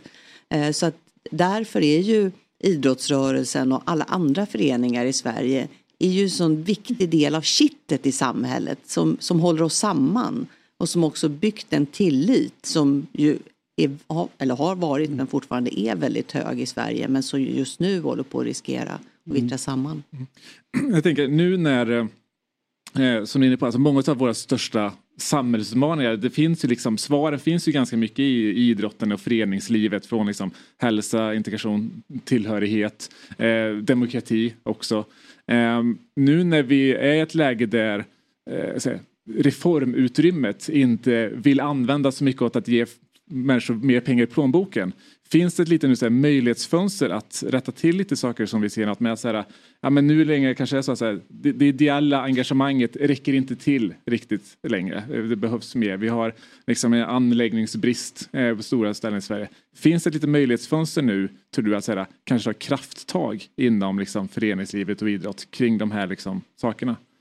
Ja, framförallt tycker jag att samhällsutvecklingen ger ju vid handen att vi borde satsa mera på våra föreningar, stötta dem på ett helt annat sätt och att vi behöver fler idrottsanläggningar. Det tror jag alla, de allra flesta i Sverige ser runt omkring sig där, Även där simmare. man bor. Även simmare, Ja. ja. ja, även gymnastikföräldrar. Ja. Eh, ser runt omkring sig. Och de, de som är ansvariga för, för det allra mesta av det här det är ju kommunerna. Mm. Eh, Och det som en regering behöver göra det är ju se till att kommunerna har resurser. Eh, så att de både kan satsa på skola och på äldreomsorg, på lokaltrafik och på föreningslivet och, och idrottsanläggningar. Men Magdalena, det som vi, vi har märkt under det här året, vi har pratat väldigt mycket om anläggningsbristen och, och ja, i, i synnerhet i, i storstadsområdena. Men det har blivit nästan att alla pekar på varandra som har någonting med, med den här frågan att göra. Kommunerna pekar på att vi har inte, vi har inte pengar. Eh, riks, eh, alltså idrottsrörelsen pekar mot kommun och stat. Alltså, ingen verkar ta i frågan ordentligt och trots att det, det blir värre och värre för varje år som går. Och det har pågått under väldigt många år och de flesta simhallar och sånt där byggdes under en annan tid. Eh, hur ser du på liksom den, den totala liksom infras, idrottsliga infrastrukturen eh, i Sverige? Och nästa fråga då, borde kanske staten gå in och peka mer tydligt med för att det har ju med hälsa och liksom ja, det, det, jag tror att det är bättre för Sverige om folk rör på sig än, än inte rör på sig helt enkelt. Så att det, liksom, det, det finns någonting att ta i och precis som Per säger att det, det känns som att det finns ett läge nu att ta. Nej, men det, är, det är ett stort folkhälsoproblem att vi rör på oss för lite, både barn och vuxna. Och jag menar, mycket av det vi har i Sverige det är ju dubbelt ansvar. Det är ju kommunerna som är liksom ansvariga för skola och, och äldreomsorg och idrottsanläggningar. Men de får ju finansiering av staten, av regeringen. Och då handlar det om att man har en regering som satsar så att kommunerna har tillräckligt mycket resurser för att både klara skola och idrottsanläggningar. Mm. Och där, jag menar, just nu så står ju, jag menar, alla de kostnadsökningar som vi märker i vår vardag med höga matpriser och bensin och dieselpriser, det påverkar ju kommunernas verksamhet på precis samma sätt. Och därför borde ju regeringen ha skjutit till mycket, mycket mer både i år och nästa år än vad man har gjort. Istället för att sänka skatten för höginkomsttagare. För att barnen ska kunna lära sig det man behöver i skolan. För att det ska finnas en, idrotts, en fotbollsträning att gå till efter skolan. Eh, Så att det är ju en, i grunden är ju en prioritering från regeringen. Men sen behöver ju också sen kommunpolitikerna prioritera det. Jag tänkte, nu, de senaste dagarna har det varit ganska mycket snack om just summor i det här. Och nu vet jag inte exakt vad liksom det totala idrottsbidraget ligger på från staten. 2-3 miljarder, något sånt där. Om vi pratar summor, vad, vart, vad, vad, vad liksom vill du se där? Där tycker jag, där är det viktigt att säga, dels är det liksom det som man ger till Riksidrottsförbundet. Men sen mycket, ännu mer av pengarna till idrotten kommer ju från kommunerna. Eh, Anläggningarna och också direkta bidrag till, eh, till idrottsföreningarna. Eh, Så vi har ju hela tiden prioriterat att lägga mycket pengar på kommunerna. Så att de ska ha möjlighet att både sköta äldreomsorg, skola och idrotten. Du, en fråga Magdalena som kanske mer av hur samhället är idag. Man pratar väldigt mycket om eh, föreningsdrivet, idrottsrörelsen, det ideella. Eh, vi ser de politiska partierna som minns, där minskar antal medlemmar. Det är svårare för folk att ställa upp och så ser det ut i idrottsrörelsen och, och i många delar, eh, stora delar av landet så är det brist på, på ledare. Hur den här modellen vi har bygger på att vi gemensamt ska chippa in och bidra och hjälpa till. Men det funkar inte nu, folk gör inte det. Hur kan vi få folk att börja engagera sig mer i, i samhället? Alltså i, liksom, i stort och smått. Ni märker av det, idrottsrörelsen märker av det, vi märker det på alla håll. Det bristande liksom, engagemanget eller minskande engagemanget. Vad kan man göra för att man, folk ska börja känna ett större ansvarstagande? Om jag tar politiken som exempel så är det ju så. Det är ju färre som är medlemmar i partiet. Men samtidigt är det ju alltså, lika många, om inte fler än tidigare, som, som uttrycker politiska åsikter. Så man är ju engagerad och har åsikter men man kanske uttrycker det på nätet snarare än att gå på ett politiskt möte. Så det handlar ju om att hitta nya sätt att eh, kanalisera det engagemang som finns till att också bli skillnad så att säga i ja, det är jätteviktigt att man uttrycker åsikter på, på nätet och i sociala medier. Men Mm. hur kan man liksom översätta det till att man också vill sitta i en, en kommunal nämnd och, Mm. och liksom hålla på med det här praktiska politiska utövandet. Det är väl liksom där vi behöver hitta nya sätt att kanalisera ett engagemang som finns Mm. till att det också blir eh, praktik på marken. Ju... Och det är väl säkert likadant i idrottsrörelsen. Det är väl klart att föräldrar, det, det handlar ju mycket om att hitta Att få föräldrar det är ja. småbarnsföräldrar Ja. som ska få ihop ett livspussel. Ja, det, jag själv har ju varit idrottsledare och att det är klart att jobba heltid, ha två barn, eh, sköta ett hushåll och stå fyra timmar eller sex eh, höll jag på med att ta i, i, i gympahallen varje vecka. Det, det är klart det är inte alldeles lätt att få ihop. Nej. Det här med att det kostar så mycket med att idrotta idag. Mm. Hur, hur hamnar vi Det där? är för jävligt. Hur hamnar vi där? Ja, nej, men det, det tas ju ut för höga avgifter och där behöver ju eh, där behöver kommunerna hjälpa till på ett annat sätt så att idrottsklubbar inte ska behöva ta ut så här eh, höga avgifter. Och klart klubbarna också behöver fundera på att man inte har avgifter som är liksom uteslutande. Likadant behöver ju avgifterna till kommunala musikskolan eller kulturskolan ner. Vi måste, ha, vi måste ju ha det här tillgängligt för alla barn. Och inte minst i det här läget när så många eh, familjer ju har svårt att få hushållsekonomin att gå runt och ensamstående föräldrar inte minst. Varför Och kanske de, kanske, det, är också så här, det är kanske de barnen som skulle behöva ha en identitet i, Mm. i fotbollen till exempel allra mest. Som nu stoppas för att det, att det kostar.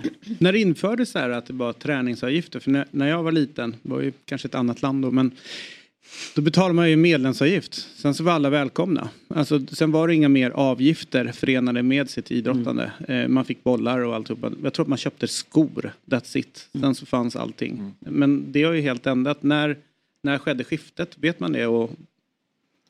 Nej, men det måste ha varit, ja, men jag tänker också när jag simmade, det var ju en, en terminsavgift. eh, Som inte låg i paritet i 8-9 träningar i veckan. Och sen behövde man simglasögon och, och en baddräkt. Det, det var ju verkligen ingen kostnad. Nej. Ehm, Jag så att det är spelade ju skillnad. för tio år sedan och då var det ju också bara en, vad jag vill minnas, en, en termins medlemsavgift. Liksom. Men sen eh, så krävs det alltid ytterligare ifall man ska åka iväg på kupp och sådana saker. Mm. Eh, och där var det ju också att eh, alltså killarna i, i vårt lag, eller ja, de som hade ett motsvarande lag, alltså födda 00, de kunde åka till, till Spanien och de var väldigt duktiga på att få in pengar och fick mer stöd från föreningen. Eh, och vi sålde lite kakor och kom på Eskilscupen eh, Och den ska man inte prata illa om. Det Det ska var. Nej. Jag hade så roligt för de där Ja, kupperna. ja. Så att, eh, jag tror att det är så på många ställen också. Det, är det kan nog vara några som tar ut en träningsavgift men Mm. jag tror inte att det, det är så generellt. Mm. Eh, ja, du känner av värmen här inne eller hur? Mm, ja, ja, ja. ja, precis. Eh, du, förra veckans larmade AIK om att personer kopplade till gängkriminalitet har rört sig i närheten av AIKs ungdomsverksamhet ute i Solna. Vi ser även rapporter om gängkriminella försöker få inflytande i klubbar och agentverksamhet. Eh, vi har haft eh, mm, polis här som har berättat om hur det ser ut och hur illa det är. Hur stort problem är det här för idrotten?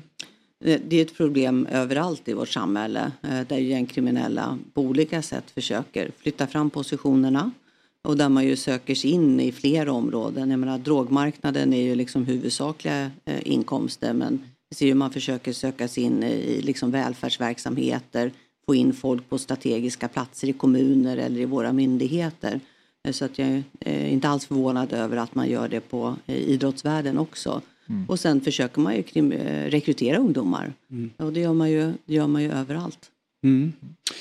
Hörru du, innan vi ska eh, lämna dig och gå vidare så har jag några frågor kvar bara. Dels så är det en företrädare på dig på statsministerposten. Fredrik Reinfeldt är numera ordförande för fotbollförbundet och en företrädare till dig på den stolen som både du sitter nu men även så Socialdemokraterna, Mona Sahlin tyckte att det kan vara lite problematiskt att när man eh, som före detta statsminister går in i idrotten, alltså att det ska vara det ska inte hänga ihop idrotten och, och politiken på det sättet. Kan du se att det finns något problematiskt med en före detta statsminister som ordförande för fotbollförbundet? Det får väl någonstans, eh, det får väl framtiden utvisa. Så det är väl liksom upp till Fredrik Reinfeldt att visa att det inte har någon betydelse. Mm. Du är diplomatisk, måste man ändå säga. Magdalena. Men ser du- Det där, där har du tränat bra. Ser du, eh, ser du framtid som eh, fotbolls, eller ordförande för fotbollsförbundet? För simförbundet? Simförbundet. Ja. Eller gymnastikförbundet. Ja. Då blir du åka av Det, det, ja, det är ganska bra, så här, gynnsamma processer när du blir vald. Det är Mm. inte så mycket insyn i dem så man behöver Ja, liksom just inte säga så mycket innan. Utan det, det är ganska bra. Men, det tror jag hade varit till din fördel i och för sig. Ifall du eh, också Fick säga. det. Ja. Just det. Eh, Men jag tänker så här, att vara eh, regeringschef är ju väldigt mycket som att vara en sportchef tänker jag. Du ska ju skicka ut dina spelare där och göra sin... Sen är det klart att du är väldigt Mm. aktiv eh, sportchef får man säga som, som statsminister. Mm. Men om man Spelande sportchef. Ja det är verkligen Ja. det. Slash tränare. Andreas Granqvist. Ja. Klubbdirektör Ja, tycker jag. spelande klubbdirektör. Eh, Men när man sätter ihop sitt, sitt lag där, då tänker jag, i varje tränare har ju sin, sin spelare som man sätter ut först. Eh, Och det brukar ju oftast vara lagkaptenen. Är det finansministern som Ja. är eh, din första, liksom så, alltid med? Ja, och så är det ju den man eh, ofta när man sätter ihop en regering så är det ju liksom finansministern man väljer kanske först. Mm. Finansministern, utrikesministern, justitieministern. Hade du sagt det även om du inte var... Det kom tvåa. Det trodde vi inte. Det var inte jag sa. Ja, och det, trodde, det tyckte jag var oseriöst. Men sen har jag problem med att inte liksom vilja vara ute och spela på plan. Ja, du har det. Ja, du går in och kör själv där. Ja, exakt. Flytta på det på utrikesdepartementet. Nu kör jag här. Men liksom, finansminister, det känner Det jag... blir liksom väldigt bra när jag sätter straffen idag också. Finansminister, jag känner det sådär, det är mittbacken. Eh, då blir justitieministern är ju på något sätt liksom inne mittfältaren. Och så har du ju då utrikesministern är anfallaren lite grann. Och det, du, du har centrallinjen där som du bygger kring. Sen har du liksom kulturministern ute på liksom kanten där och sådär. Men är det inte så att vissa Ja, kulturministern kan du ha den här som kommer in och överraskar. exakt. Ja, Och gör den här oväntade Ja, liksom, löpningen. Ja. Eller den som inte dyker upp till match. Vad fan är kulturministern? Exakt. Ja. Eh, eh, nej men det känns ju som att eh, justitieministern tycker jag i perioder får väldigt mycket makt att säga till om beroende på hur det ser ut i, i samhället. Annars kan det vara folk som man, ja men de håller på med någonting men säkert viktigt men de syns inte på det sättet. Så att de lite dyker upp och ner. Utrikesminister eh, också, där är ju kvaliteten, det är viktigt att ha en, ja jag kan gå med på att det är en striker men det ska fan vara en bra nia. Ja, alltså det, är- Eller, det, det, det är inte en... oss eh, på ett bra sätt där ute Ja, i det är inte en världen. falsk nia. Ja, nej det vill man inte ha. Nej, vill Det vill man inte liksom. ha, alltså. Någon som bara dyker. Nej. Jan Eliasson var ju lite grann en falsk nia i och med att han var där så lite så kort tid. Han Ja. fick inte chansen att jobba in sig fullt ut som eh, Och Anna Lind var typ en Marcus Berg. skojare. Ja, verkligen. Ja, det var det ju verkligen. Ja. Eh, sen fastnade jag när jag var liten för Sven Andersson utav någon anledning. Eh, visst hette han det? Sten, Sten Sten, Andersson. Andersson. Sten Andersson. Det var, ja, han, eh, han nådde djupt hos många. Ja. Han var väldigt populär. Margot Wallström har ju lite samma. Det är en del som liksom verkligen fastnar i Mm. svenska folkets hjärtan. Och Det Margot Lena. Hjelm-Wallén. Hon är rejäl. Mm. Ja, jag gillar henne. Ja, den eh, tyckte jag var, tyckte jag bra. Ja, det har ju varit några som har snurrat runt där. Nej, men, nej, men kulturminister och utrikesminister, för oseriöst att ha som viktigt.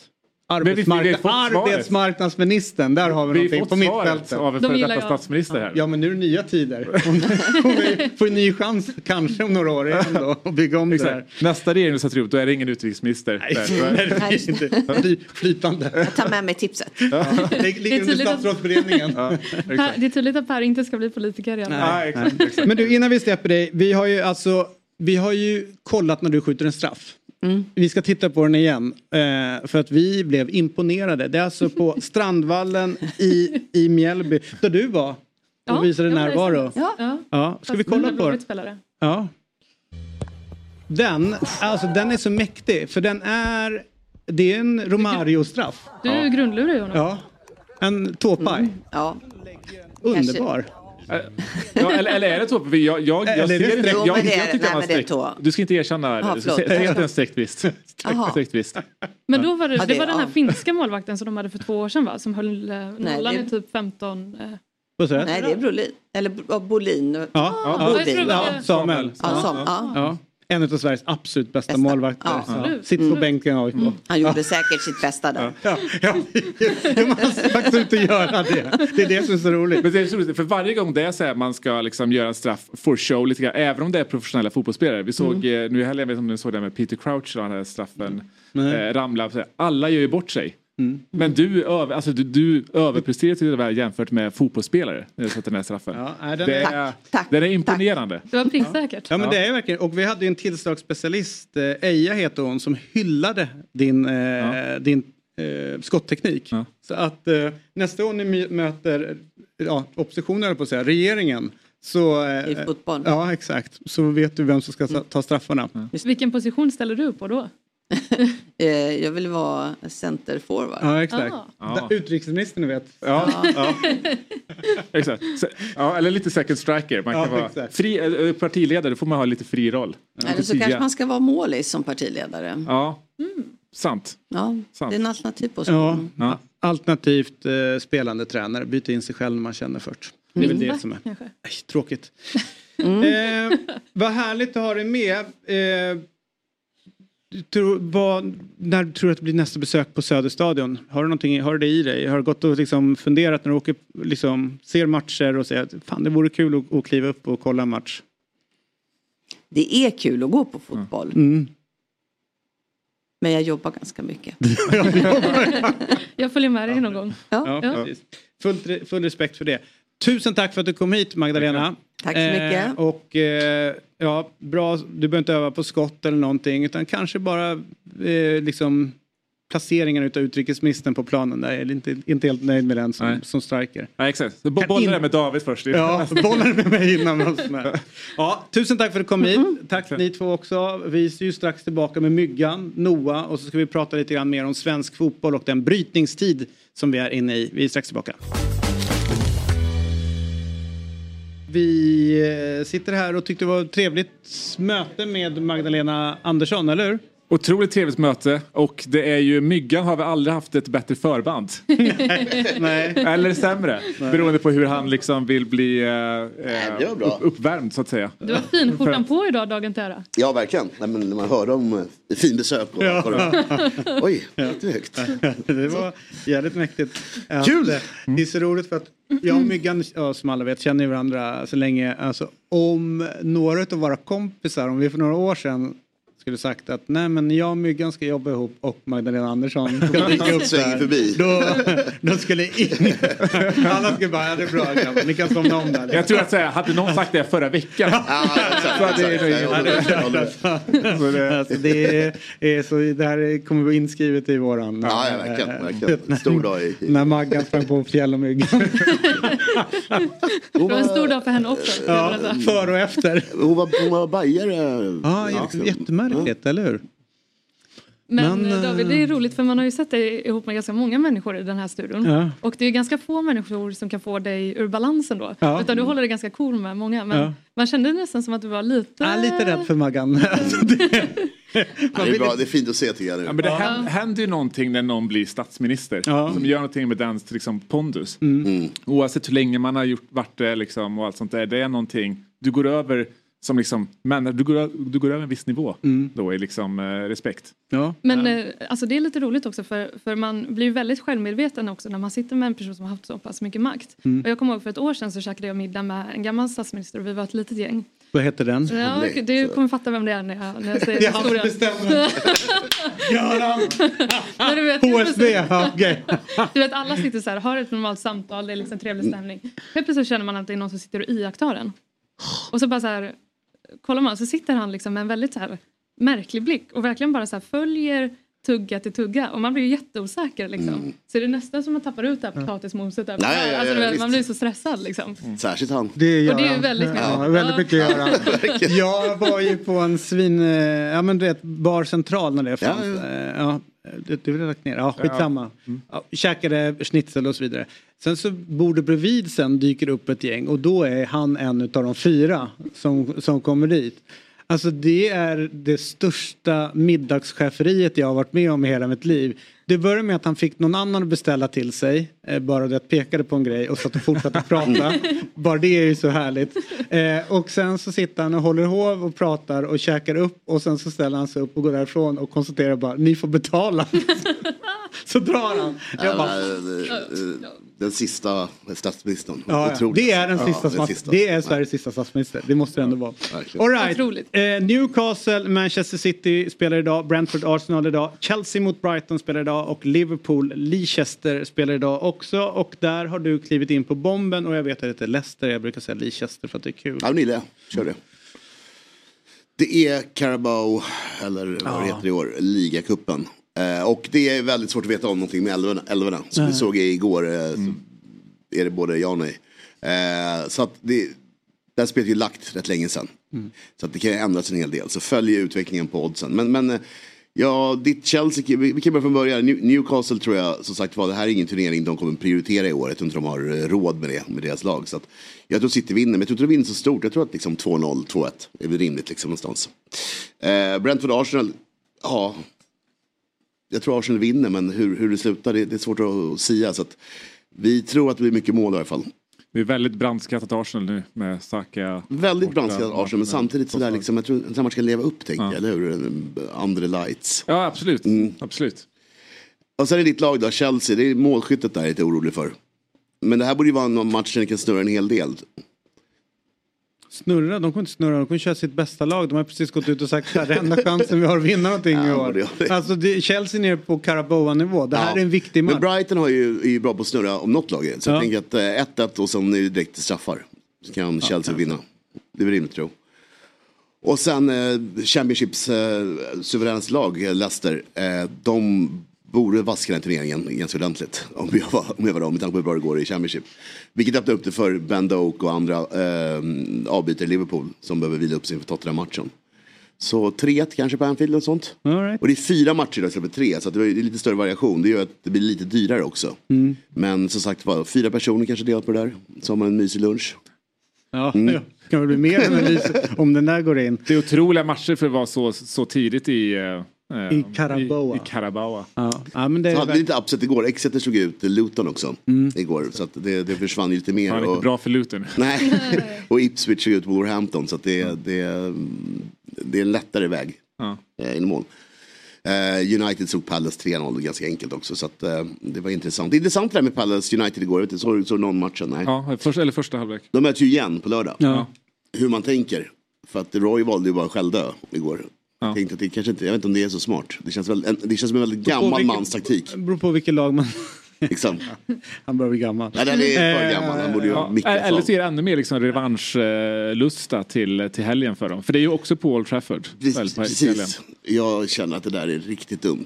att Jag, stort jag vet stryk, inte alltså. om det är... eh, Det vad jag, vad jag tror, men jag, jag kanske har Jag vet fel. inte men jag tycker att han ska myggas av faktiskt. Jag tycker det är lite charmigt att han står där och eh, liksom... Det, så här, vad, det måste ge någonting med ett omklädningsrum tänker jag. Om den högsta chefen, en äldre man. Mm. Jämfört med att det är en ung hetsig man som är där inne. Som också är fyra gånger äldre än alla andra. Ja, ja men jag tror att det måste ge någonting i... Alltså jag tycker det är lite, det är lite coolt att se. Mm, nej, men det kanske är någon bra kamratskap han får ihop. Ja. Det är inte, inte så mycket framgångar, men äh, mittenlag ska finnas Ja, också. det de har och det de spenderar. De spe- spenderar ju typ för att hamna i mitten. Ja, liksom. Så nej, det är ju inga konstigheter. Så att han, han gör egentligen det jobb han ska. Mm. Det är väl i så fall de, typ Chelsea som har spenderat mest. De ska ju då, om de har haft en Roy kompatibel i relation till sitt lags tränare så hade de ju legat mycket högre. Kanske inte Mm. Vunnit, varje år men ändå liksom fått in det. Så. att- Det är inte Men- helt omöjligt att Roy tränar Chelsea innan säsongen är slut. Ah, nej, det, nej, nej, det är absolut inte. Och inte köper loss honom. Nej, precis. 20 miljoner pund. Ja, i- Köper i- loss honom till jul. Ja, precis. Nej, men det, det blir ju, det tycker jag är super eh, med just det där. Och att det är så mycket yngre tränare som, som drar runt. Eh, och även i, om man säger media eller politik, Ma- Maggan var ju här innan. Alltså i Sverige så är vi så unga i allt vi gör. Men alltså, typ, det är coolt att, kolla i allsvenskan, om du är 60, ja, du är gammal, du är slut, du kan inte fortsätta med det här liksom. Men all jävla erfarenhet som folk samlar på sig, det tycker vi är helt oviktigt. Utan vi tar någon het 28-åring som är bra på att läsa datautskrifter liksom. Är man inte lite trött på folk som är så här unga up and coming Jo, personer också? jo, jo. Alltså det är typ så här, man vill ju inte höra ett sommarprat med någon som är under 30. Ja, han är Det jättebra här, på att tolka datan. Nej. Man bara fuck that nu för fan. Man vill ju liksom, man vill inte höra en livsläxa från någon som inte har levt den. Nej. Det- Men det är också stöpt i samma, är samma Mm. typ av eh, entreprenör, eh, liksom eh, free spirit. eh, Exakt. Så det är en viss typ av Och människa. bygga sitt lilla varumärke. Ja, det är ju hemskt jobbigt att lyssna Det är på. inte så att Roy. Roy har inte direkt tänkt- på sitt varumärke genom åren. Eller- fast han eller omedvetet då satt det. riktigt, 4-4-2 ja. och zon och... Han har aldrig hört ordet disruption. Han nej. nej, nej, nej. Det- vet han inte ens vad det är. Nej, nej, nej. Eller, eller att någon sitter så här, nej men ibland så brukar vi ge bort bollen till motståndarna för att kunna erövra den på en lite mer attraktiv yta på planen. Alltså om Roy... Nej, det är inte det han gör. Nej, nej, det Vad inte om? Vad snackar de om? Antingen torskar du matchen eller så vinner du matchen. Eh, Det är liksom... Men ställa upp ett dåligt lag en tisdagkväll på Old Trafford. Det, Ja, Inga konstigheter. Det är så här du gör det. Ja. Jag är svårt att dölja mitt Roy-hat tyvärr, men, men eh, han, ni gillar han. Så att, Ja. det är din kille fel. Mm. Du, eh, jag ska bara kolla nu. Visst har vi Noah Bachner med oss? Ja, men vad härligt. Det är ju en... Är det en liten Där är Newcastle-staty? Bomben är väl också en produkt från Svenska Spel AB Casino? Eller? Sport och, Sport och Casino. Ja, ja, men det måste du säga. Ja. Precis. och man måste vara... Eh? Över 18 år. Ja. Över 18 år. Och så finns det... Eh, om du har problem, om du har upplever problem med ditt spelande Ja. så finns det till exempel stödlinjen.se Just det. där man kan gå in och kolla och få hjälp Ja. med att om man upplever att man har problem. Mm. Men det har inte vi. Snyggt. En. Nästa gäst behöver ingen vidare och närmare presentation längre. En gång i tiden så började han faktiskt på Svenska fans och sen så var han här i Dobbs lokaler. Men nu har han flaxat iväg ut i den stora världen. Han skriver viktiga krönik- kröniker i Expressen, stora avslut avslöjanden i samma tidning och nu skriver han, har han skrivit en bok som börjar flyga över landet, genom landet och snart tar sig ut eh, till kanske Norge eller Finland. Men han har i alla fall gjort sig ett namn. Eh, så att vi säger bara Noah Bachner så vet alla att det här är en av Sveriges vassaste journalister. och eh, ny, får man säga, bakad författare. God morgon och välkommen till Fotbollsmorgon. God morgon, tack. Jag tror inte man får kalla sig författare om man inte har skrivit två böcker enligt Mm. eh, spelets regler. All right. I Afrika så får Jag man göra det efter en. Mm. Toppen. Till och med Ja. innan en? Ja, ja, ja. ja, ja. I Afrika kan man säga att jag är författare när som helst. Ja. En liten novell. What do you do for job? I'm a writer. ja, men du. Eh, eh, vi eh, har utlovat att vi ska prata om... Och, eh, Oliver skämtar.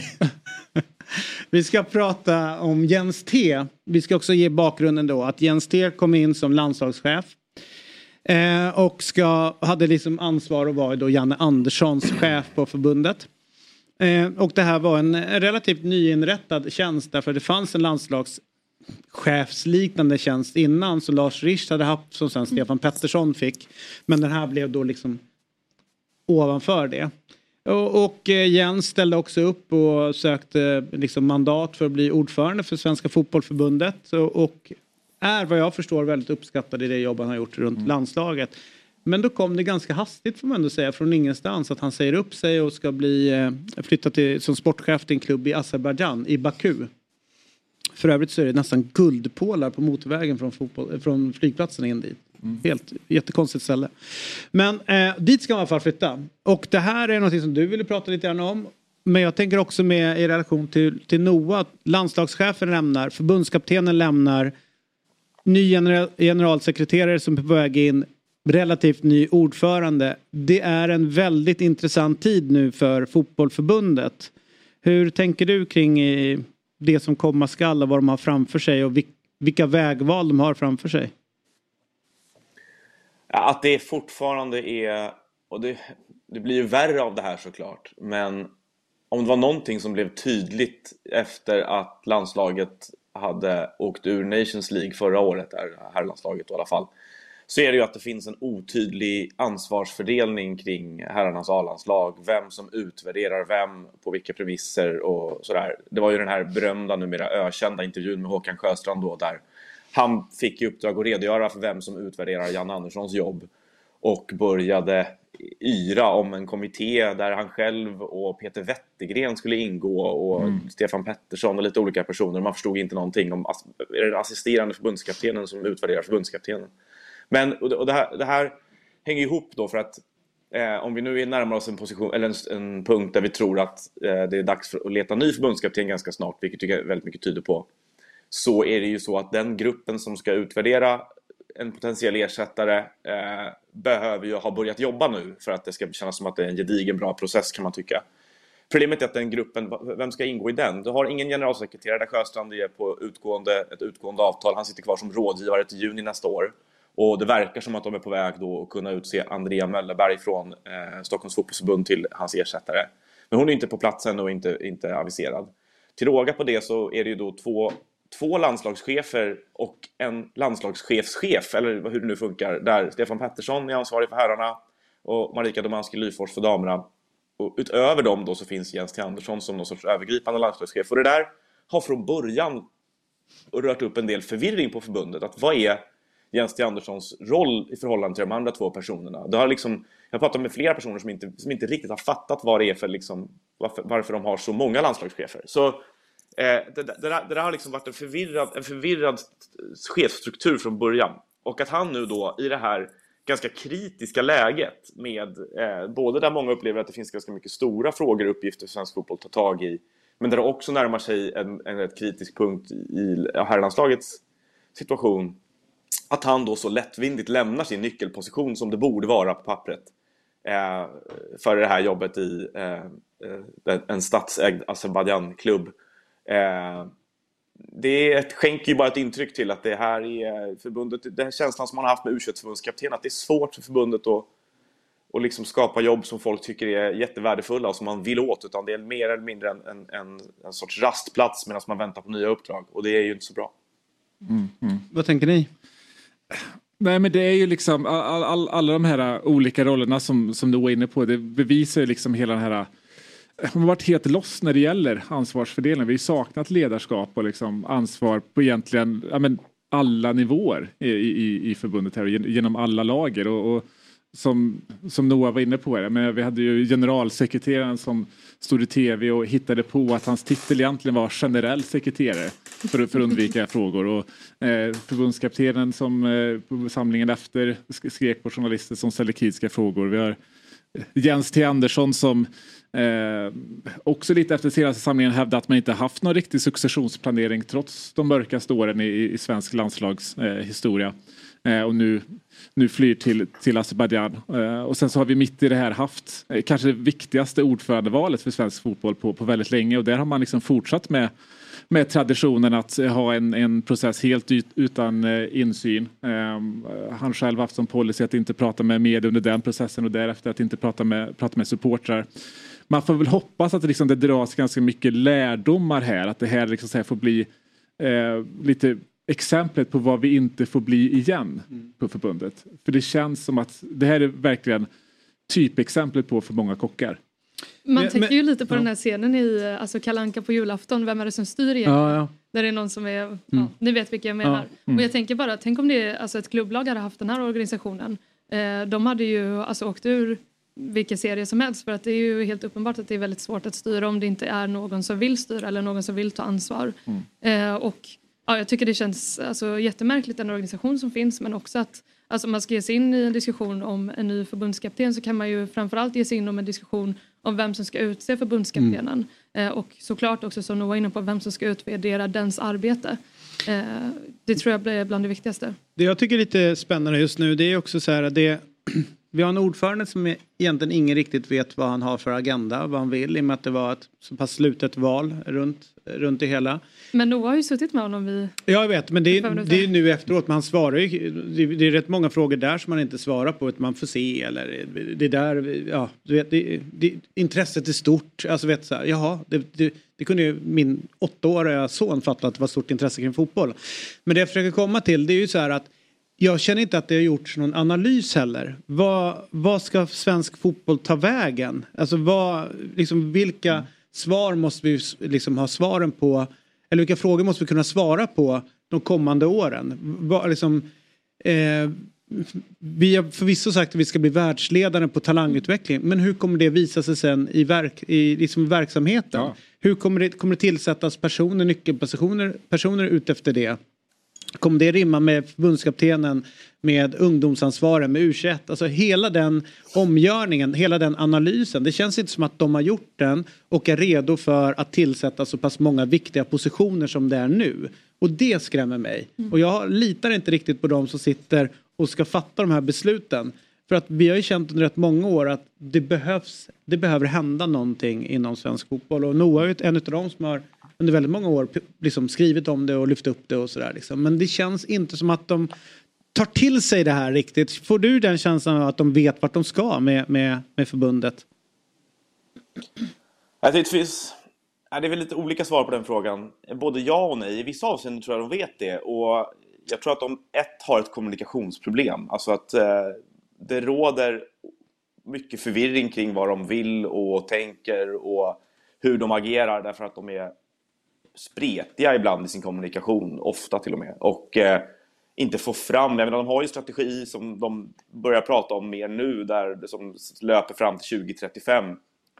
Den, hade jag varit förbundsordförande så när den blev klar hade man ju gått ut och sagt det här är planen för svensk fotboll fram till 2035 och så stolpat upp den i tre viktiga delar som man ska förbättra och hur man ska ta sig dit. Så att, så att man kommunicerar till hela, till hela fotbollen i Sverige eh, lite, lite tydligare vad man håller på med.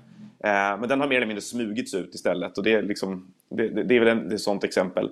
Eh, sen finns det olika andra delar där jag inte håller med om deras problembeskrivningar. Det finns ju en mer, ett, mer, ett större allvar upplever jag i den mediala diskussionen och bland många andra som följer svensk fotboll kring olika ganska liksom, tydliga, konkreta fakta om hur det går. Där eh, förbundets beskrivning ofta skiljer sig lite grann, man är mer, vill vara mer nyanserad och sådär. Eh, men sen så, det är det här också att, att eh, jag upplever att de, att de det, finns, det görs en hel del bra jobb säkert inom förbundet, eller det gör det såklart. Eh, men att man är, man är, det är framförallt här, man är dålig på, på att förklara vad det, vad det liksom, hur det ser ut och vad det, vad det ska mynna ut i, som du är inne på där. Att, att man har inte riktigt lyckats redogöra för det. Eh, sen det här eh, ja, men beskrivningarna av var vi är på väg med svensk fotboll. Jag tror att den här perioden av resultat nu för herrlandslaget och så vidare har ju aktualiserat en massa stora frågor som är rätt jobbiga. Och jag tänkte på det i dagarna, jag såg att ni hade, att ni hade Magdalena Andersson där idag också och det har ju varit en del en del fäktning nu mellan politiker i, i media i Sverige kring vems fel det är att det inte investeras i idrotten och utbrutna vallöften och så vidare. Alltså det har ju i så fall uteblivit vallöften eller brutits vallöften till idrotten under ganska lång tid upplever jag. Mm. Att det här är ju liksom inget nytt att man inte skjuter till de resurser som behövs. Den här anläggningsbristen som vi har i Sverige till exempel, att det inte finns fotbollsplaner till att börja med, den har inte uppstått i vinter utan det är ju under många år av olika regeringar och eh, underinvesteringar i gemensamma tillgångar en icke-fungerande modell och det var väl en av de få saker som Fredrik Reinfeldt var rätt tydlig med när jag träffade honom där att nej, vi har ingen bra fungerande modell för hur man bygger idrottsanläggningar i Sverige utan det ligger just nu väldigt mycket på kommunerna till skillnad från bland annat i våra grannländer där man har Eh, en statlig fond för det i Danmark som ligger under kulturdepartementet och helt andra samarbetsformer i Norge. Så eh, våra företrädare för fotbollen i Sverige har varit jättemisslyckade på att positionera fotbollen som ett politiskt värdefullt ämne under lång tid. Och det är inte bara att politiker har varit ointresserade utan det är också att idrotten har misslyckats. Både fotbollsförbundet som är det största men också RF tycker jag. Så att det här, jag tycker inte riktigt om, jag tycker det är lite missvisande diskussion nu. RF är ute och, och, och klagar jättemycket, även fotboll är ute och klagar jättemycket på att det inte kommer några investeringar. Och det har de såklart rätt att göra, men de borde också vara mer självkritiska. Alltså de, de måste ju tydliggöra sitt investeringsbehov. Jag fick höra häromdagen också att till exempel så har det uppkommit en ny post tror jag i, i budgeten som presenterades nu som handlar om pengar som ska gå till, till att eh, motarbeta psykisk ohälsa på, om det var 1,5-1,6 miljarder och sånt där tror jag. Där en av liksom förklaringarna från, från regeringen verkar vara att ja, men det här är, de här liksom, intressenterna och aktörerna i samhället har varit eh, väldigt eh, framgångsrika i att eh, framföra och tydliggöra varför de här pengarna behövs. Och det är en stor del av idrottens uppgift där man verkar verka på sin kant och sen sura med eh, blogginlägg på sin egna hemsida när det inte kommer några pengar. Så jag, jag tycker det finns en större problematik här i bakgrunden än bara fotbollsförbundets liksom, eh, oförmåga att kommunicera. Det är, ett, det är ett större kulturproblem att man är, att man är för dåliga på kommunikation. Helt. Och- och Det, det tycker jag var hela anledningen till varför det var så provocerande att man valde att fortsätta med traditionen att ha en liksom, ordförande, ett ordförandeval helt utan liksom, insyn, debatt, transparens. Eh, för för det, det är det som kräver, alltså det, det ger incitament till bättre kommunikation, till stora visualisationer, till att paketera det du vill i någonting som går att förstå. Eh, nu, nu fick vi ju inte den möjligheten att liksom ha den debatten, att kunna ha ansvarsutkrävning, utan det var ju bara ja, det, var, det känns som att man räckte upp lite handen runt ett bord och säger ska vi, ska vi ta Fredrik eller? Mm. Eh, alltså, det, det behöver man ju se över. Det, för vi behöver kunna ha ännu bättre ansvarsutkrävning. Vi, det är svikna vallöften på svikna vallöften inom fotbollen hela tiden. Eh, och vi behöver premiera eh, och ge incitament till att bli bättre på kommunikation och paketera eh, de här visionerna bättre. Och det, det kan vi inte göra genom att ha ett till sånt här val nästa gång det är dags. Men är det inte så lite grann att eh, oavsett om det är en dåre eller direktör dyker in i fotbollens tjänst så blir de ju dårar till slut. Alltså det, de slutar att vara vettiga. När de sätter sig i en fotbollsstyrelse i ett fotbollslag så blir de supportrar direkt. Alltså att de, ungefär, de, de tappar bort den, den professionella. Medan Alltså, finns- du, du pratar om psykisk ohälsa. Det, det, jag har svårt att se att det är någon som går in och börjar lalla och, tapp, och tar bort sin professionella hatt när man jobbar med de här frågorna. Så det kanske känns som att de, ja men det är skönt, kul att vara i fotbollens ett, i det sammanhanget och, och liksom, liksom skava lite axlar mot lite fotbollsstjärnor. Eh, få åka på landskamper, VM, alltså det finns mycket annat som gör att man vill liksom vara kvar snarare än att att provocera, vara jobbig och kanske liksom försvinna bort därifrån, ta de jobbiga besluten. Alltså det, det är så många vettiga människor som kliver in i ett styrelserum och så tänker man, vad fan, lämnar du hjärnan utanför den här gången också? Nu är det 17 mötet du sitter där inne och är dum i huvudet. Och det händer ingenting. Och, det, och man, och man fattar inte hur det är möjligt. Vi har sagt då att du Ja. inte var dum i huvudet. Ja, Nej, men jag tror att det är ganska många som gör sig, alltså, inom fotbollen, då, det kanske framförallt det som jag håller koll på, alltså allsvenskan och väldigt många av dem som kanske ställer upp till val i klubbar som är liksom, räknas som storlag och har liksom ett tryck att så här, eh, väldigt ofta så pratar man om att vi hade behövt längre mandatperioder i Mm. Sverige för att vi har svårt att få kontinuitet och att vi, vi har svårt att hitta kompetent folk och sådär. Eh, som, som klarar av att ha det under längre tid för att så fort resultatet går emot så blir man utbytt. Men jag tror också att så här, ganska många av de här människorna gör sig en otjänst att det första de gör när de antingen ställer upp till sin position eller har fått sin position det är att säga att vi eh, ska nå det här resultatet inom två år. vi ska bli ett lag som konkurrerar om Europaplatser, vi ska bli ett lag som konkurrerar om topp tre. Eh, vi ska liksom lämna de dåliga åren bakom oss, komma ikapp Malmö ganska snabbt eller vad man nu än vill kommunicera. Liksom. Eh, och jag tror att om du inte går ut och säger just det där så har du inte heller samma förväntningar på dig. Alltså då vill folk se resultat väldigt, väldigt fort. Mm. Och jag skulle också säga att så här, ehm, jag tror att anledningen till att man lyckas ha kontinuitet i, i länder som inte har en 51% regel det är inte bara för att medlemmarna kan alltså, rösta bort utan det handlar också om att Alltså där du inte har ett starkt supportertryck så går det såklart enklare att styra en, en klubb. Men jag tycker inte att det bara handlar om att man väljer alltså på ett möte utan det handlar ju också om var det finns ett tryck utifrån. Det är klart att om det går väldigt, väldigt dåligt i Chelsea så kommer inte en tränare få sitta kvar särskilt länge. Eh, Det spelar ingen roll att det inte finns medlemmar som kan rösta bort den personen eller inte. Mm. Utan det kommer ske oavsett för det finns ett tryck, det finns förväntningar. Eh, Och samma sak, samma logik finns ju i Allsvenskan oavsett om man kan rösta bort eller inte. Så jag vet inte, jag vill se liksom ledare som dels säger att jag vill bygga långsiktigt i en klubb. Eh, Jag vill sänka förväntningarna. Jag vill inte att vi pratar om kortsiktiga resultat. Det är svintråkigt att höra som supporter. Man vill ha någonting att drömma om. Men det är också så här, det bästa både för klubben och för svensk fotbolls framtid. Och sen vill jag också att man kanske lyfter blicken generellt i svensk fotboll. Per frågade här tidigare om vi inte ska ha en haverikommission. Jag skulle snarare vilja ha en tankesmedja Mm. Som jobbar långsiktigt med liksom, idéutveckling inom svensk fotboll. Det skulle kunna vara en ko- kombinerad haverikommission och tankesmedja. Eh, Det vill man ju se. Ja. Jag, jag, håller, jag håller med dig där, men, men jag tror också att vad gäller mandatperioderna så när, när du har korta mandatperioder, ja men då premierar du också kortsiktiga mål. Eh, alltså då får du uttalanden kring att vi ska, vi ska vinna guld om två år. Har du längre, ja men då måste du också vända blicken större. Då måste du ta in ungdomsutvecklingen i det eh, och liknande och hela liksom växa klubben Men jag håller typ inte med. Alltså jag, menar, jag har varit rösträknare på de senaste tre årsmötena som IFK Göteborg har haft. Och jag menar, det är extremt sällan som någon dels ställer upp emot eller dels liksom kommer allt sånt där styrs innan. Eh, man har liksom absolut en demokratisk liksom medvetenhet men det är ganska få som andra alternativ än de som sitter i styrelsen. För väldigt många supportrar har ärligt talat inte det kontaktnätet. Alltså i de grupperna som faktiskt har möjligheten att liksom mobilisera och få ut en person så saknar man sällan liksom, eh, ja, men tilltänkta personer som skulle kunna ta efter eller som man själva ser som ett seriöst alternativ. Så jag vet inte, jag håller inte med om att det liksom är korta mandatperioder som är problemet utan tvärtom så tror jag att det är en möjlighet för att liksom någonstans följa upp ett arbete. Men eh, jag tror däremot att eh, väldigt många företrädare gör sin otjänst genom att kräva kortsiktiga resultat eller Absolut. ge dem förväntningarna. Mm. Och se bara på min klubb, då plockar man in eh, spelare eller ja, liknande som någonstans har sina glansdagar bakom sig men kanske är ett namn snarare än att ta spelare som kanske har en utveckling och kan bli bra på sikt. Mm. Eh, och eh, det tror jag är ett feltänk som ganska många klubbar i Allsvenskan brottas med. Mm. Ja, men det, jag tycker det är spännande för att det är ju det, det är ganska lätt att man också pekar till, och, till andra.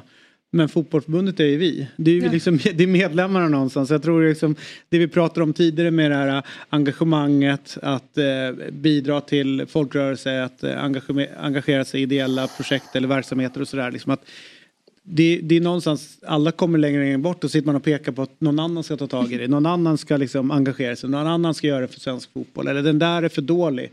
Så att någonstans så tror jag liksom att det gemensamma också att här, om man bryr sig om det då måste man börja chippa in. Man börjar, måste börja engagera sig.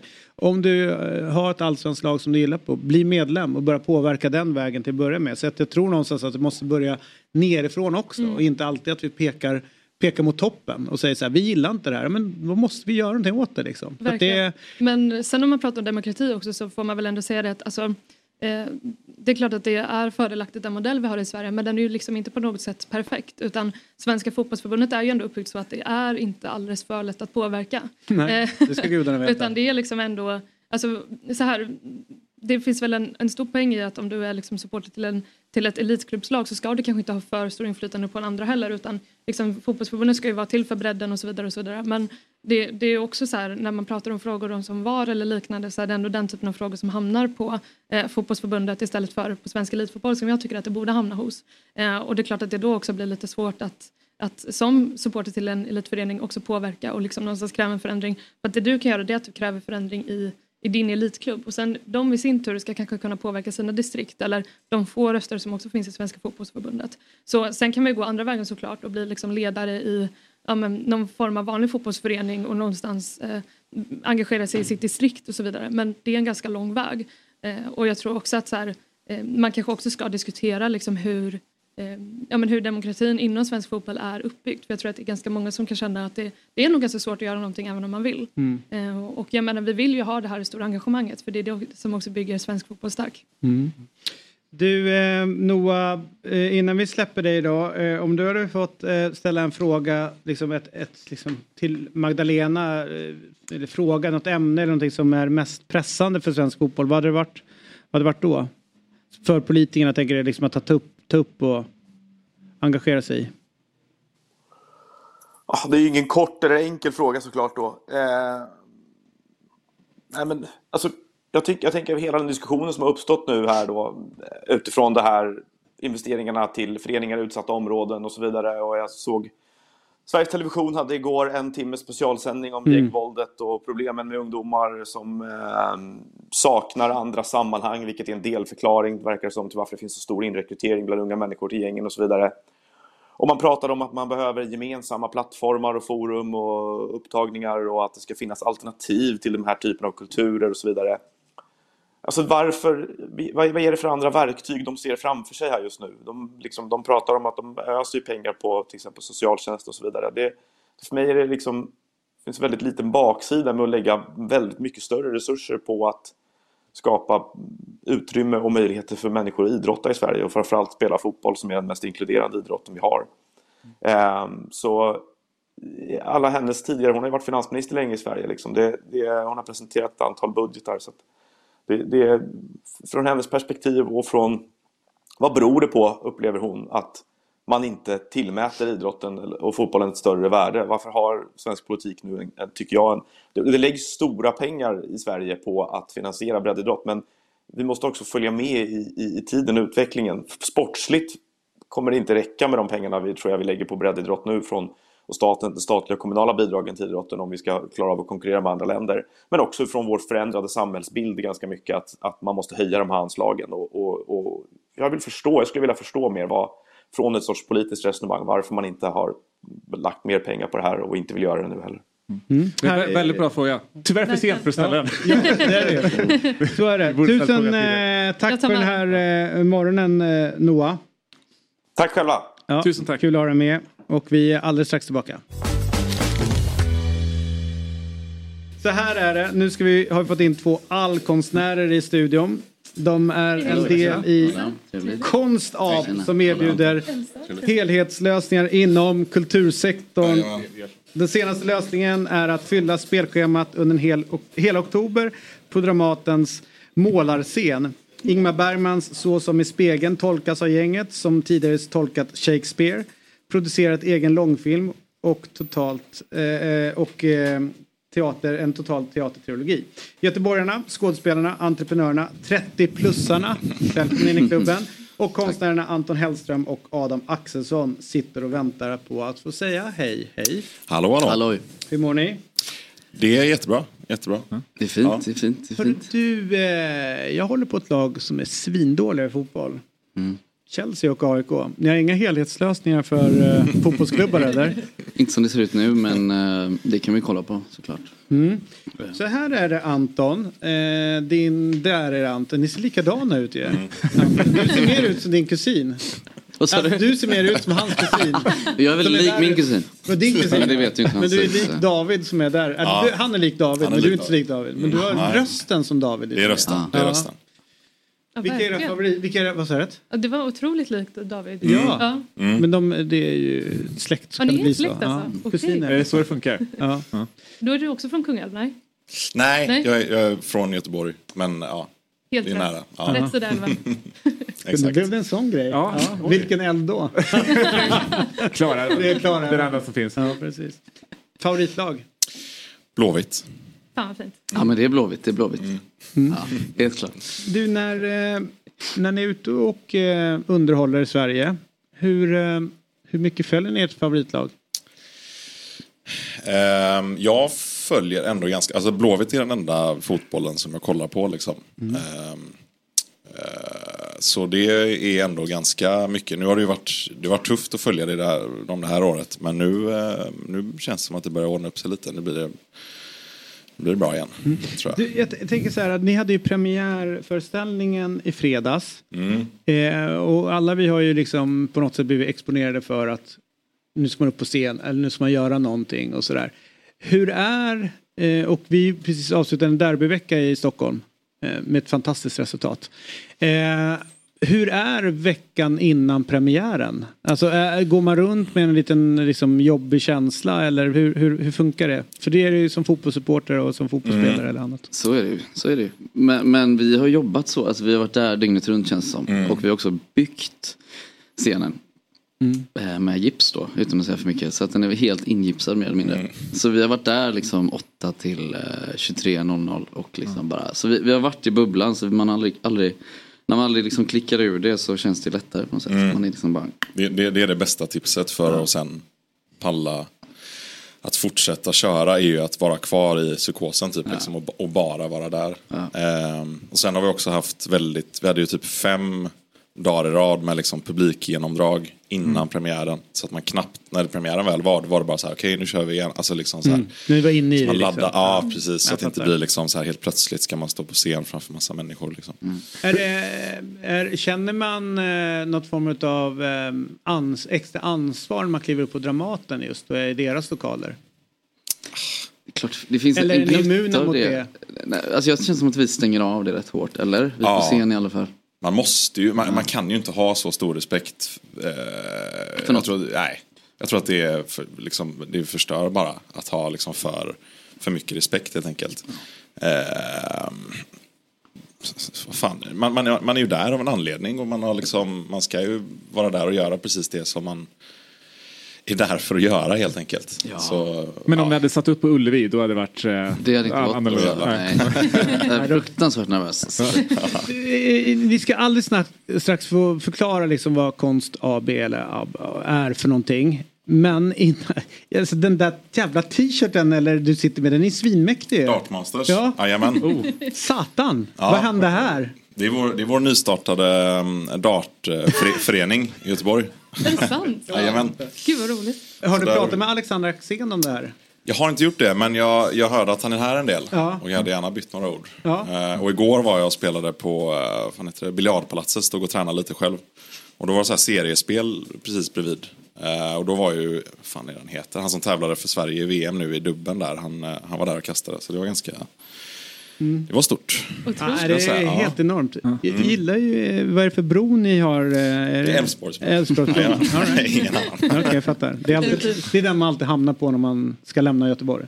Eh, ja, Den som går efter över en till- förlust så är det där man hamnar. Ja, man kommer till Hisingen. Ja, jag fattar. Eh, visst är det den som går över till Hisingen, eller? Ja, det är det. Ja. Det är- Majorna, Hisingen. Same, same. Ja, jag hänger inte Vad är det här Konst AB? AB? Det är ett eh, kollektiv av eh, konstnärer, musiker, skådespelare. Eh, som, eh, och vi, vi, ja, vi är baserade i Göteborg och vi jobbar med, vi har väl framförallt jobbat med teater men har nu på senare år även gått över till film. En långfilm och en kortfilm kom förra året. Eh, och det är väl ett, det är ett kollektiv där vi gör där vi gör väldigt mycket av produktionerna själva. Liksom. Eh, vi gör kostym, vi bygger scenografi, vi filmar, vi klipper, vi regisserar. Liksom. Ehm, ja. Eh, så ja, på ett sätt är det ju en helhetslösning, även om det är en drift med liksom ehm, själva namnet kommer egentligen från att vi var, vid våra första teaterproduktioner så var vi ute väldigt mycket i så här industriområden och eh, köpte byggmaterial och grejer. Och alla företag heter ju, de heter ju precis det som de jobbar med. Liksom. Ja. Däckab, Lerab, Pålab, Tågab. Betongab, Tågab. Ja, allt det sådär. Och då tänkte vi att Konstab är ett bra namn. Liksom. Så det kommer ju egentligen från den världen. Liksom. Eh, Så gillar vi den krocken då med liksom, ja, kultur och småföretagande. Typ. Så vi, vi driver med kommersialiseringen av... Eh, Nej, inte egentligen driver, det är väl mer som en hyllning skulle jag Okej. säga. Eh, Ja. För att vi gillar den estetiken Ja. också och den världen. Eh, så det är ju mer som en, eh, ja, det känns som ett bra namn bara. Men du, ehm, ni började ju med eh, Instagramkonto, olika personer, eller började, ni var väldigt kända där för att liksom ehm, imitera eller liksom, ja, kändisar Mm. runt där. Varför slutade ni med det?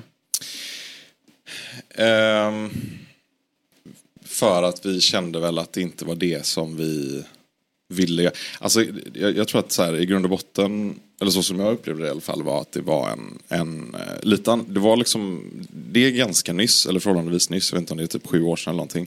Men då, då fanns ju nästan inte eh, Instagram-sketcher. Alltså, det fann, alltså ingenting fanns nästan typ så här. Men sen, sen när det liksom, när vi hade hållit på ett år och det blev mer som en liksom eh, när det blev någonting faktiskt att så här, ja, men det är många som gör sketcher på Instagram. Då kände vi så här, nu är vi del av någonting som, inte för att det är, jag lägger ingen värdering i det, men det var inte i, i det forumet som vi ville vara. Liksom. Eh, Instagram-skojare liksom. Eh, helt enkelt. Så vi la väl av på grund av att vi kände att vi ville verka i ett annat forum. Och, och det forumet tog er bland annat till, då till Göteborgs stadsteater och där eh, satte ni upp eh, Stormen, en nytolkning utav den. Mm. Och där var det liksom en del med presskonferensscen eh, där klassiska landslagsprofiler gestaltades. Liksom, hur, vad, är, vad är med presskonferenssituationen? Ja, ni börjar skratta, jag skrattar också. Men om ni ska ge er, er syn på presskonferens, liksom miljö och situationen. Vad är det som, vad är det som fascinerar i den? För mig, det är någonting man liksom har sett sen man var ett litet, litet barn. Alltså det är en sån klassisk miljö bara på något sätt. Och jag personligen har så många eh, tankar om det och hur man skulle liksom eh, gestalta det och så vidare. Så att det bara kommer väldigt naturligt. Alltså det är en väldigt så här klassisk, alltså torra gubbar sitter liksom lite halvt dött uttryck och liksom bara liksom typ säger saker, små Mm. korta grejer. Det är bara en rolig och sen att göra det på scen, det är en rolig krock liksom Mm. som man pratar om. Alltså.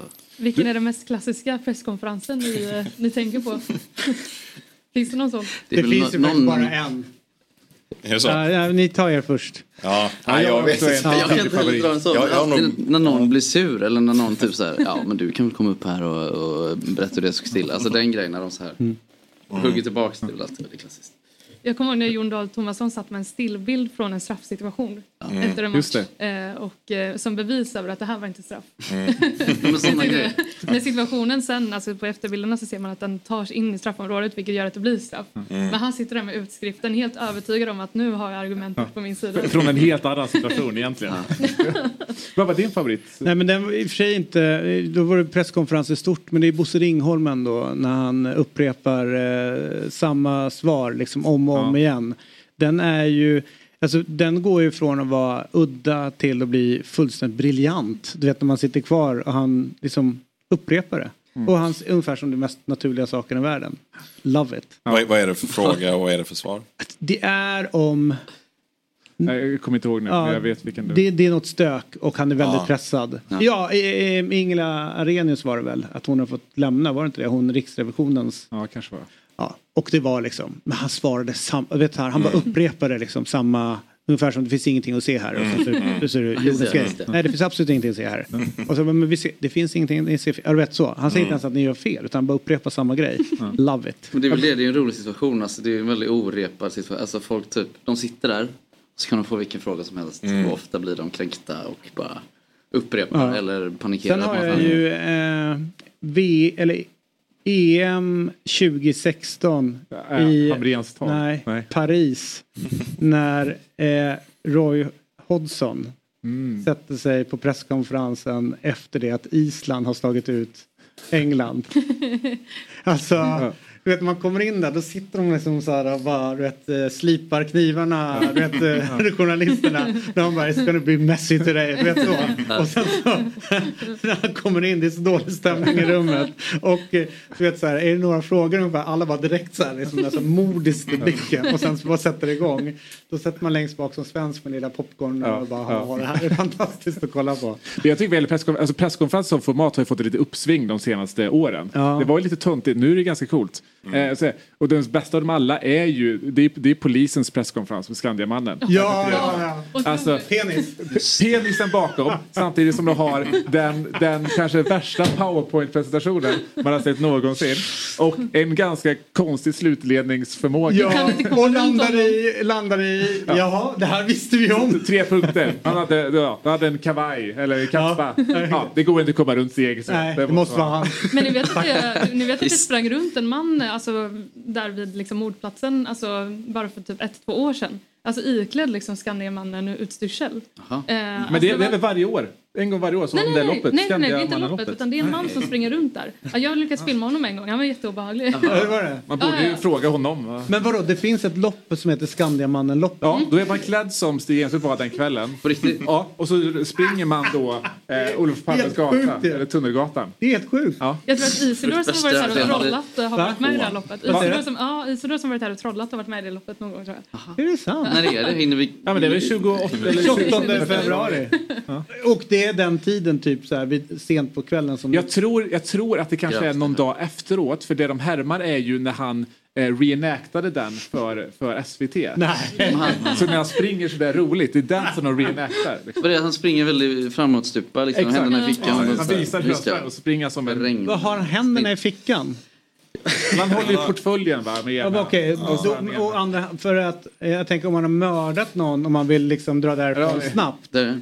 Då vill man ju liksom jobba med arm, ja. vet den här och inte ha händerna i fickan. Jag, jag ser framför mig att han har rock och typ springer liksom framåt så här. Liksom bara lite Ja, men exakt. Lite den, lite den känslan. Det har ju också någonting att någon av de här herrarna heter Christer Petersson va? Ja, exakt. exakt. Han till Men höger. vem av dem är Skandiamannen? Alltså, han till höger heter ju Christer, det är ju, Christer Petersson. Ja, precis. Det är han förundersökningsledaren. Ja, ja. Eller ja, vad det nu är. Väldigt roligt. Ja, det är jättekul. Men den här är ju... Ja, jag satt och tittade med stort intresse på den här. Ja, jag kan se om den ibland faktiskt. Ja, Jag brukar ju se om ordförande Persson, du vet den där som Erik Ja. Fichtelius gjorde. Ja. Hela den... Eh, När han, när han pratar om, eh, vem är det som är Tysklands premiärminister? då? Han pratar om Helmut Kohl. Ja, hur Som Kohl. äter, smör. äter, äter smör. Kopiösa mängder smör. Ja. Låt oss gå tillbaka Ja, till... Vi har ju. Men du, eh, är det här sista pjäsen ni sätter upp eller är det fler på gång? Eh, vi har sagt att det är sista.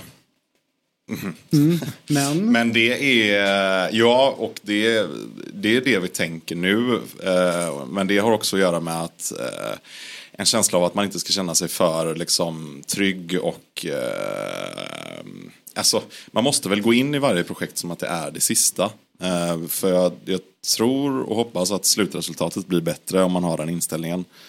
Eh, sen får vi se vad som händer. Eh, men just nu, är det, just nu är det den sista. Ja.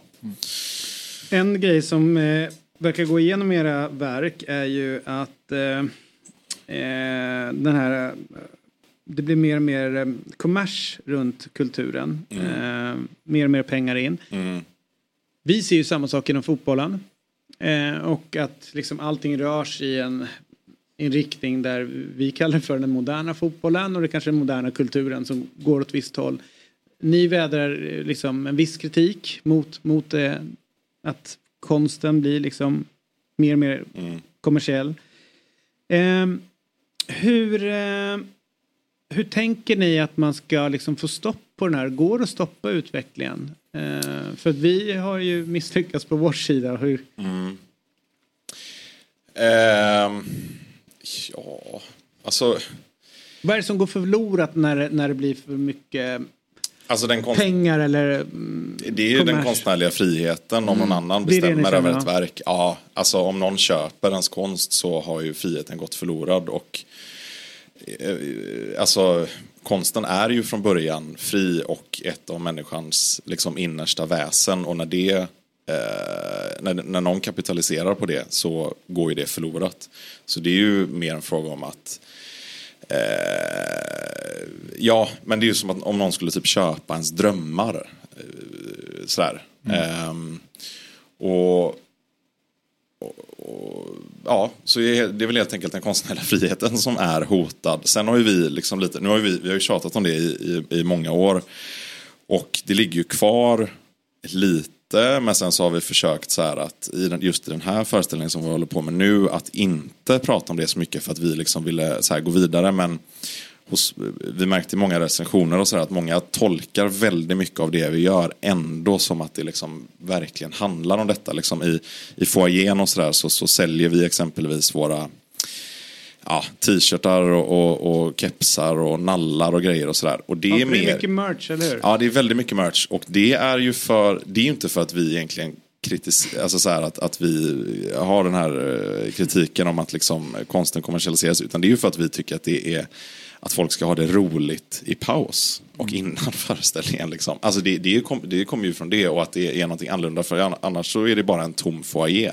Och vi vill göra någonting roligt för vår publik och att verket börjar redan i liksom foajén. Men sen är det klart, då får vi ju skylla oss själva att vi har tjatat om det i så många år. Då tolkas det ju på det sättet. Hur är det då att man tolkar det som att här, ni gör någonting och så tolkas det som att ni liksom står eller försöker proklamera Mm. någonting som ni inte gör? Påverkar det er någonting?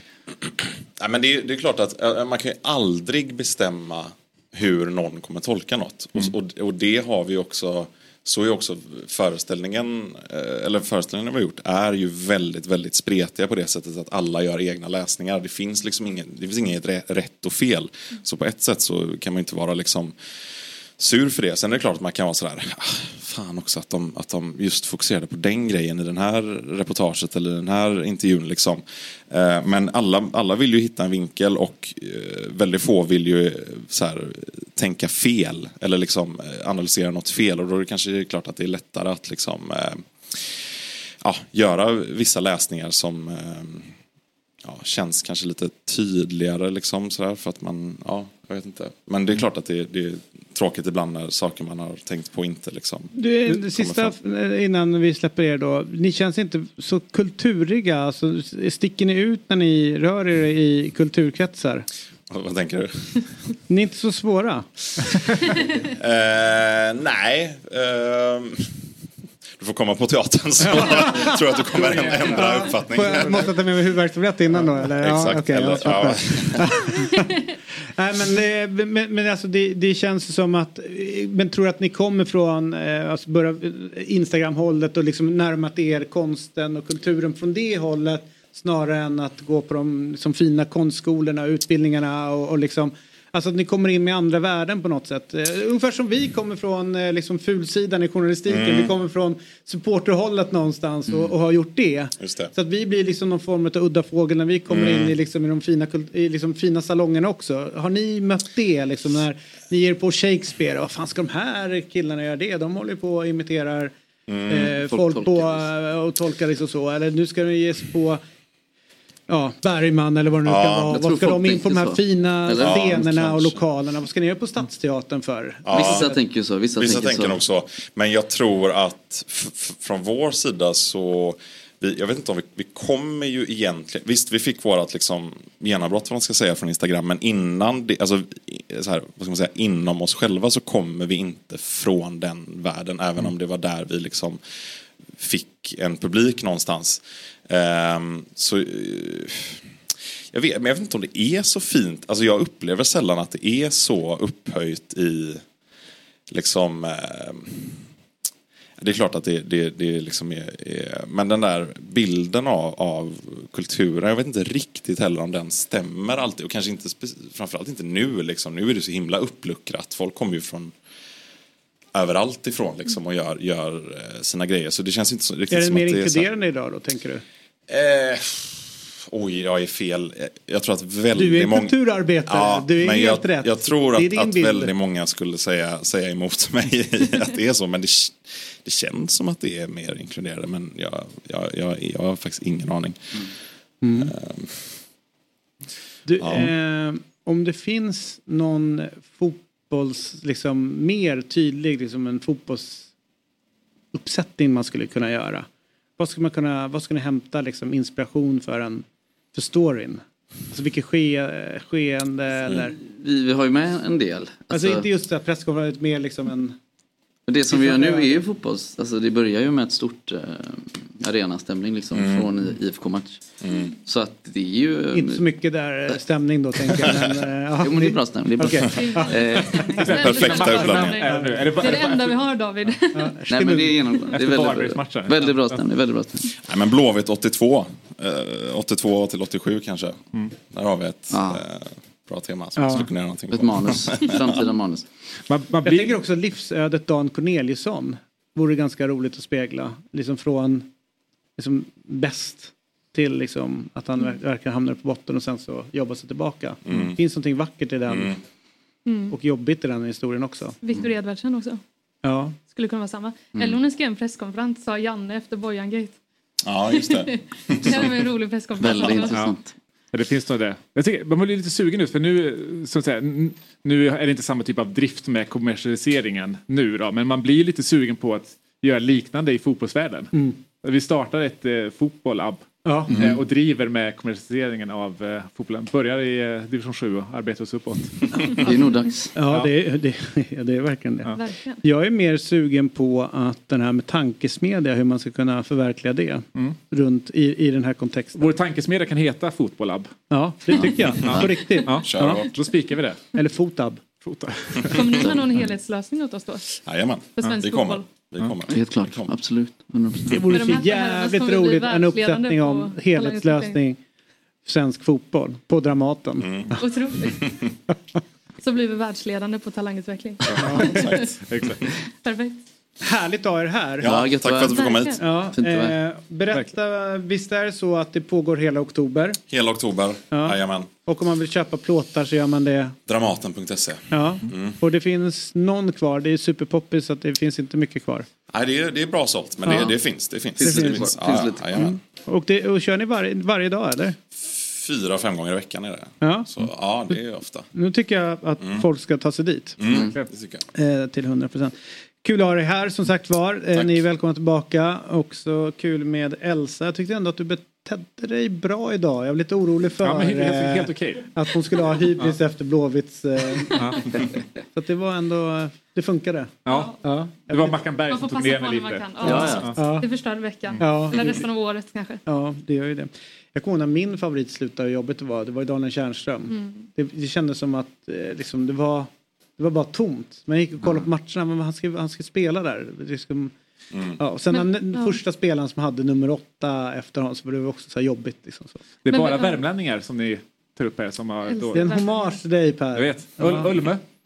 Ja. Oj, oj, oj. Ulme. Och nu blir det väl Linus eh, Karlström som man får tycka väldigt mycket om. Men jag tänkte också säga det att eh, alltså, när man var så ledsen i måndags efter att Mackan berättade att han ska lä- lägga skorna på hyllan så tänker man ju att det är nästan lite som ett uppbrott. Alltså, man har varit ihop och tyckt om någon väldigt, väldigt, väldigt länge och sen Mhm. så Har du blivit man dumpad? att det... Nej, sånt sysslar inte jag med. Nej, men men okej. när man rycker plåstret och gör slut med någon Ja. så, så är det ju fortfarande väldigt jobbigt. Ja. Mm. Mm. Men för varje gång, eh, varje gång man går ur en relation så blir man också en liten bättre version av sig själv. Mm. Man köper en ny garderob. Man, eh, Är det det du gör? Är det Karlstrand nu? eller? Där är borta Karlstrand. Det gick snabbt. man, man blir liksom lite trevligare, man lär sig mer om sig själv. Och det är väl det jag tänker, det är väl det Blåvitt får göra nu. Köpa en ny Ja, garderob och Så vi får kanske tänka. Det är så vi får tänka. rycka nostalgiplåstret. Ja. Köp, köpa nya Bingo Berra-outfits. Ja, exakt. Eh, Elsas Bingo-mackan. trådlösa-nätverk hemma byter namn från Marcus Berg till Karlstrand.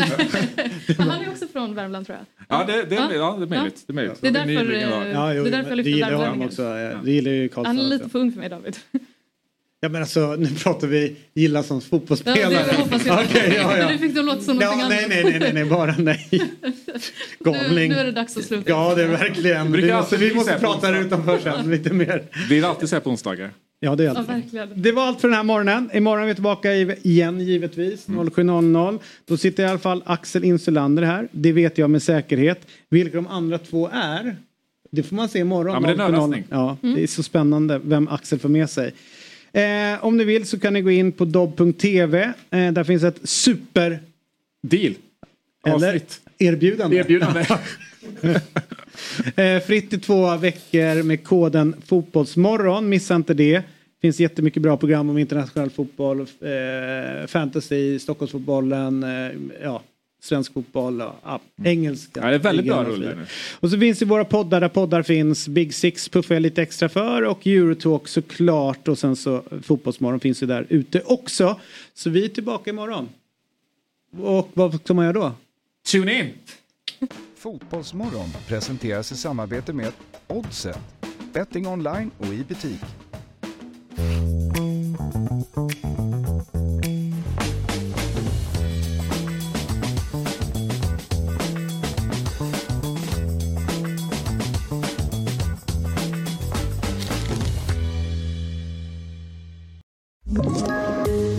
Poddtips från Podplay. I podden Något Kaiko garanterar östgötarna Brutti och jag, Davva, dig en stor dos skratt. Där följer jag pladask för köttätandet igen. Man är lite som en jävla vampyr. Man har fått lite blodsmak och då måste man ha mer. Udda spaningar, fängslande anekdoter och en och annan arg rant. Jag måste ha mitt kaffe på morgonen för annars är jag ingen trevlig människa. Då är du ingen trevlig människa, punkt. Något Kaiko, hör du på Podplay. Därför arkadeinerna.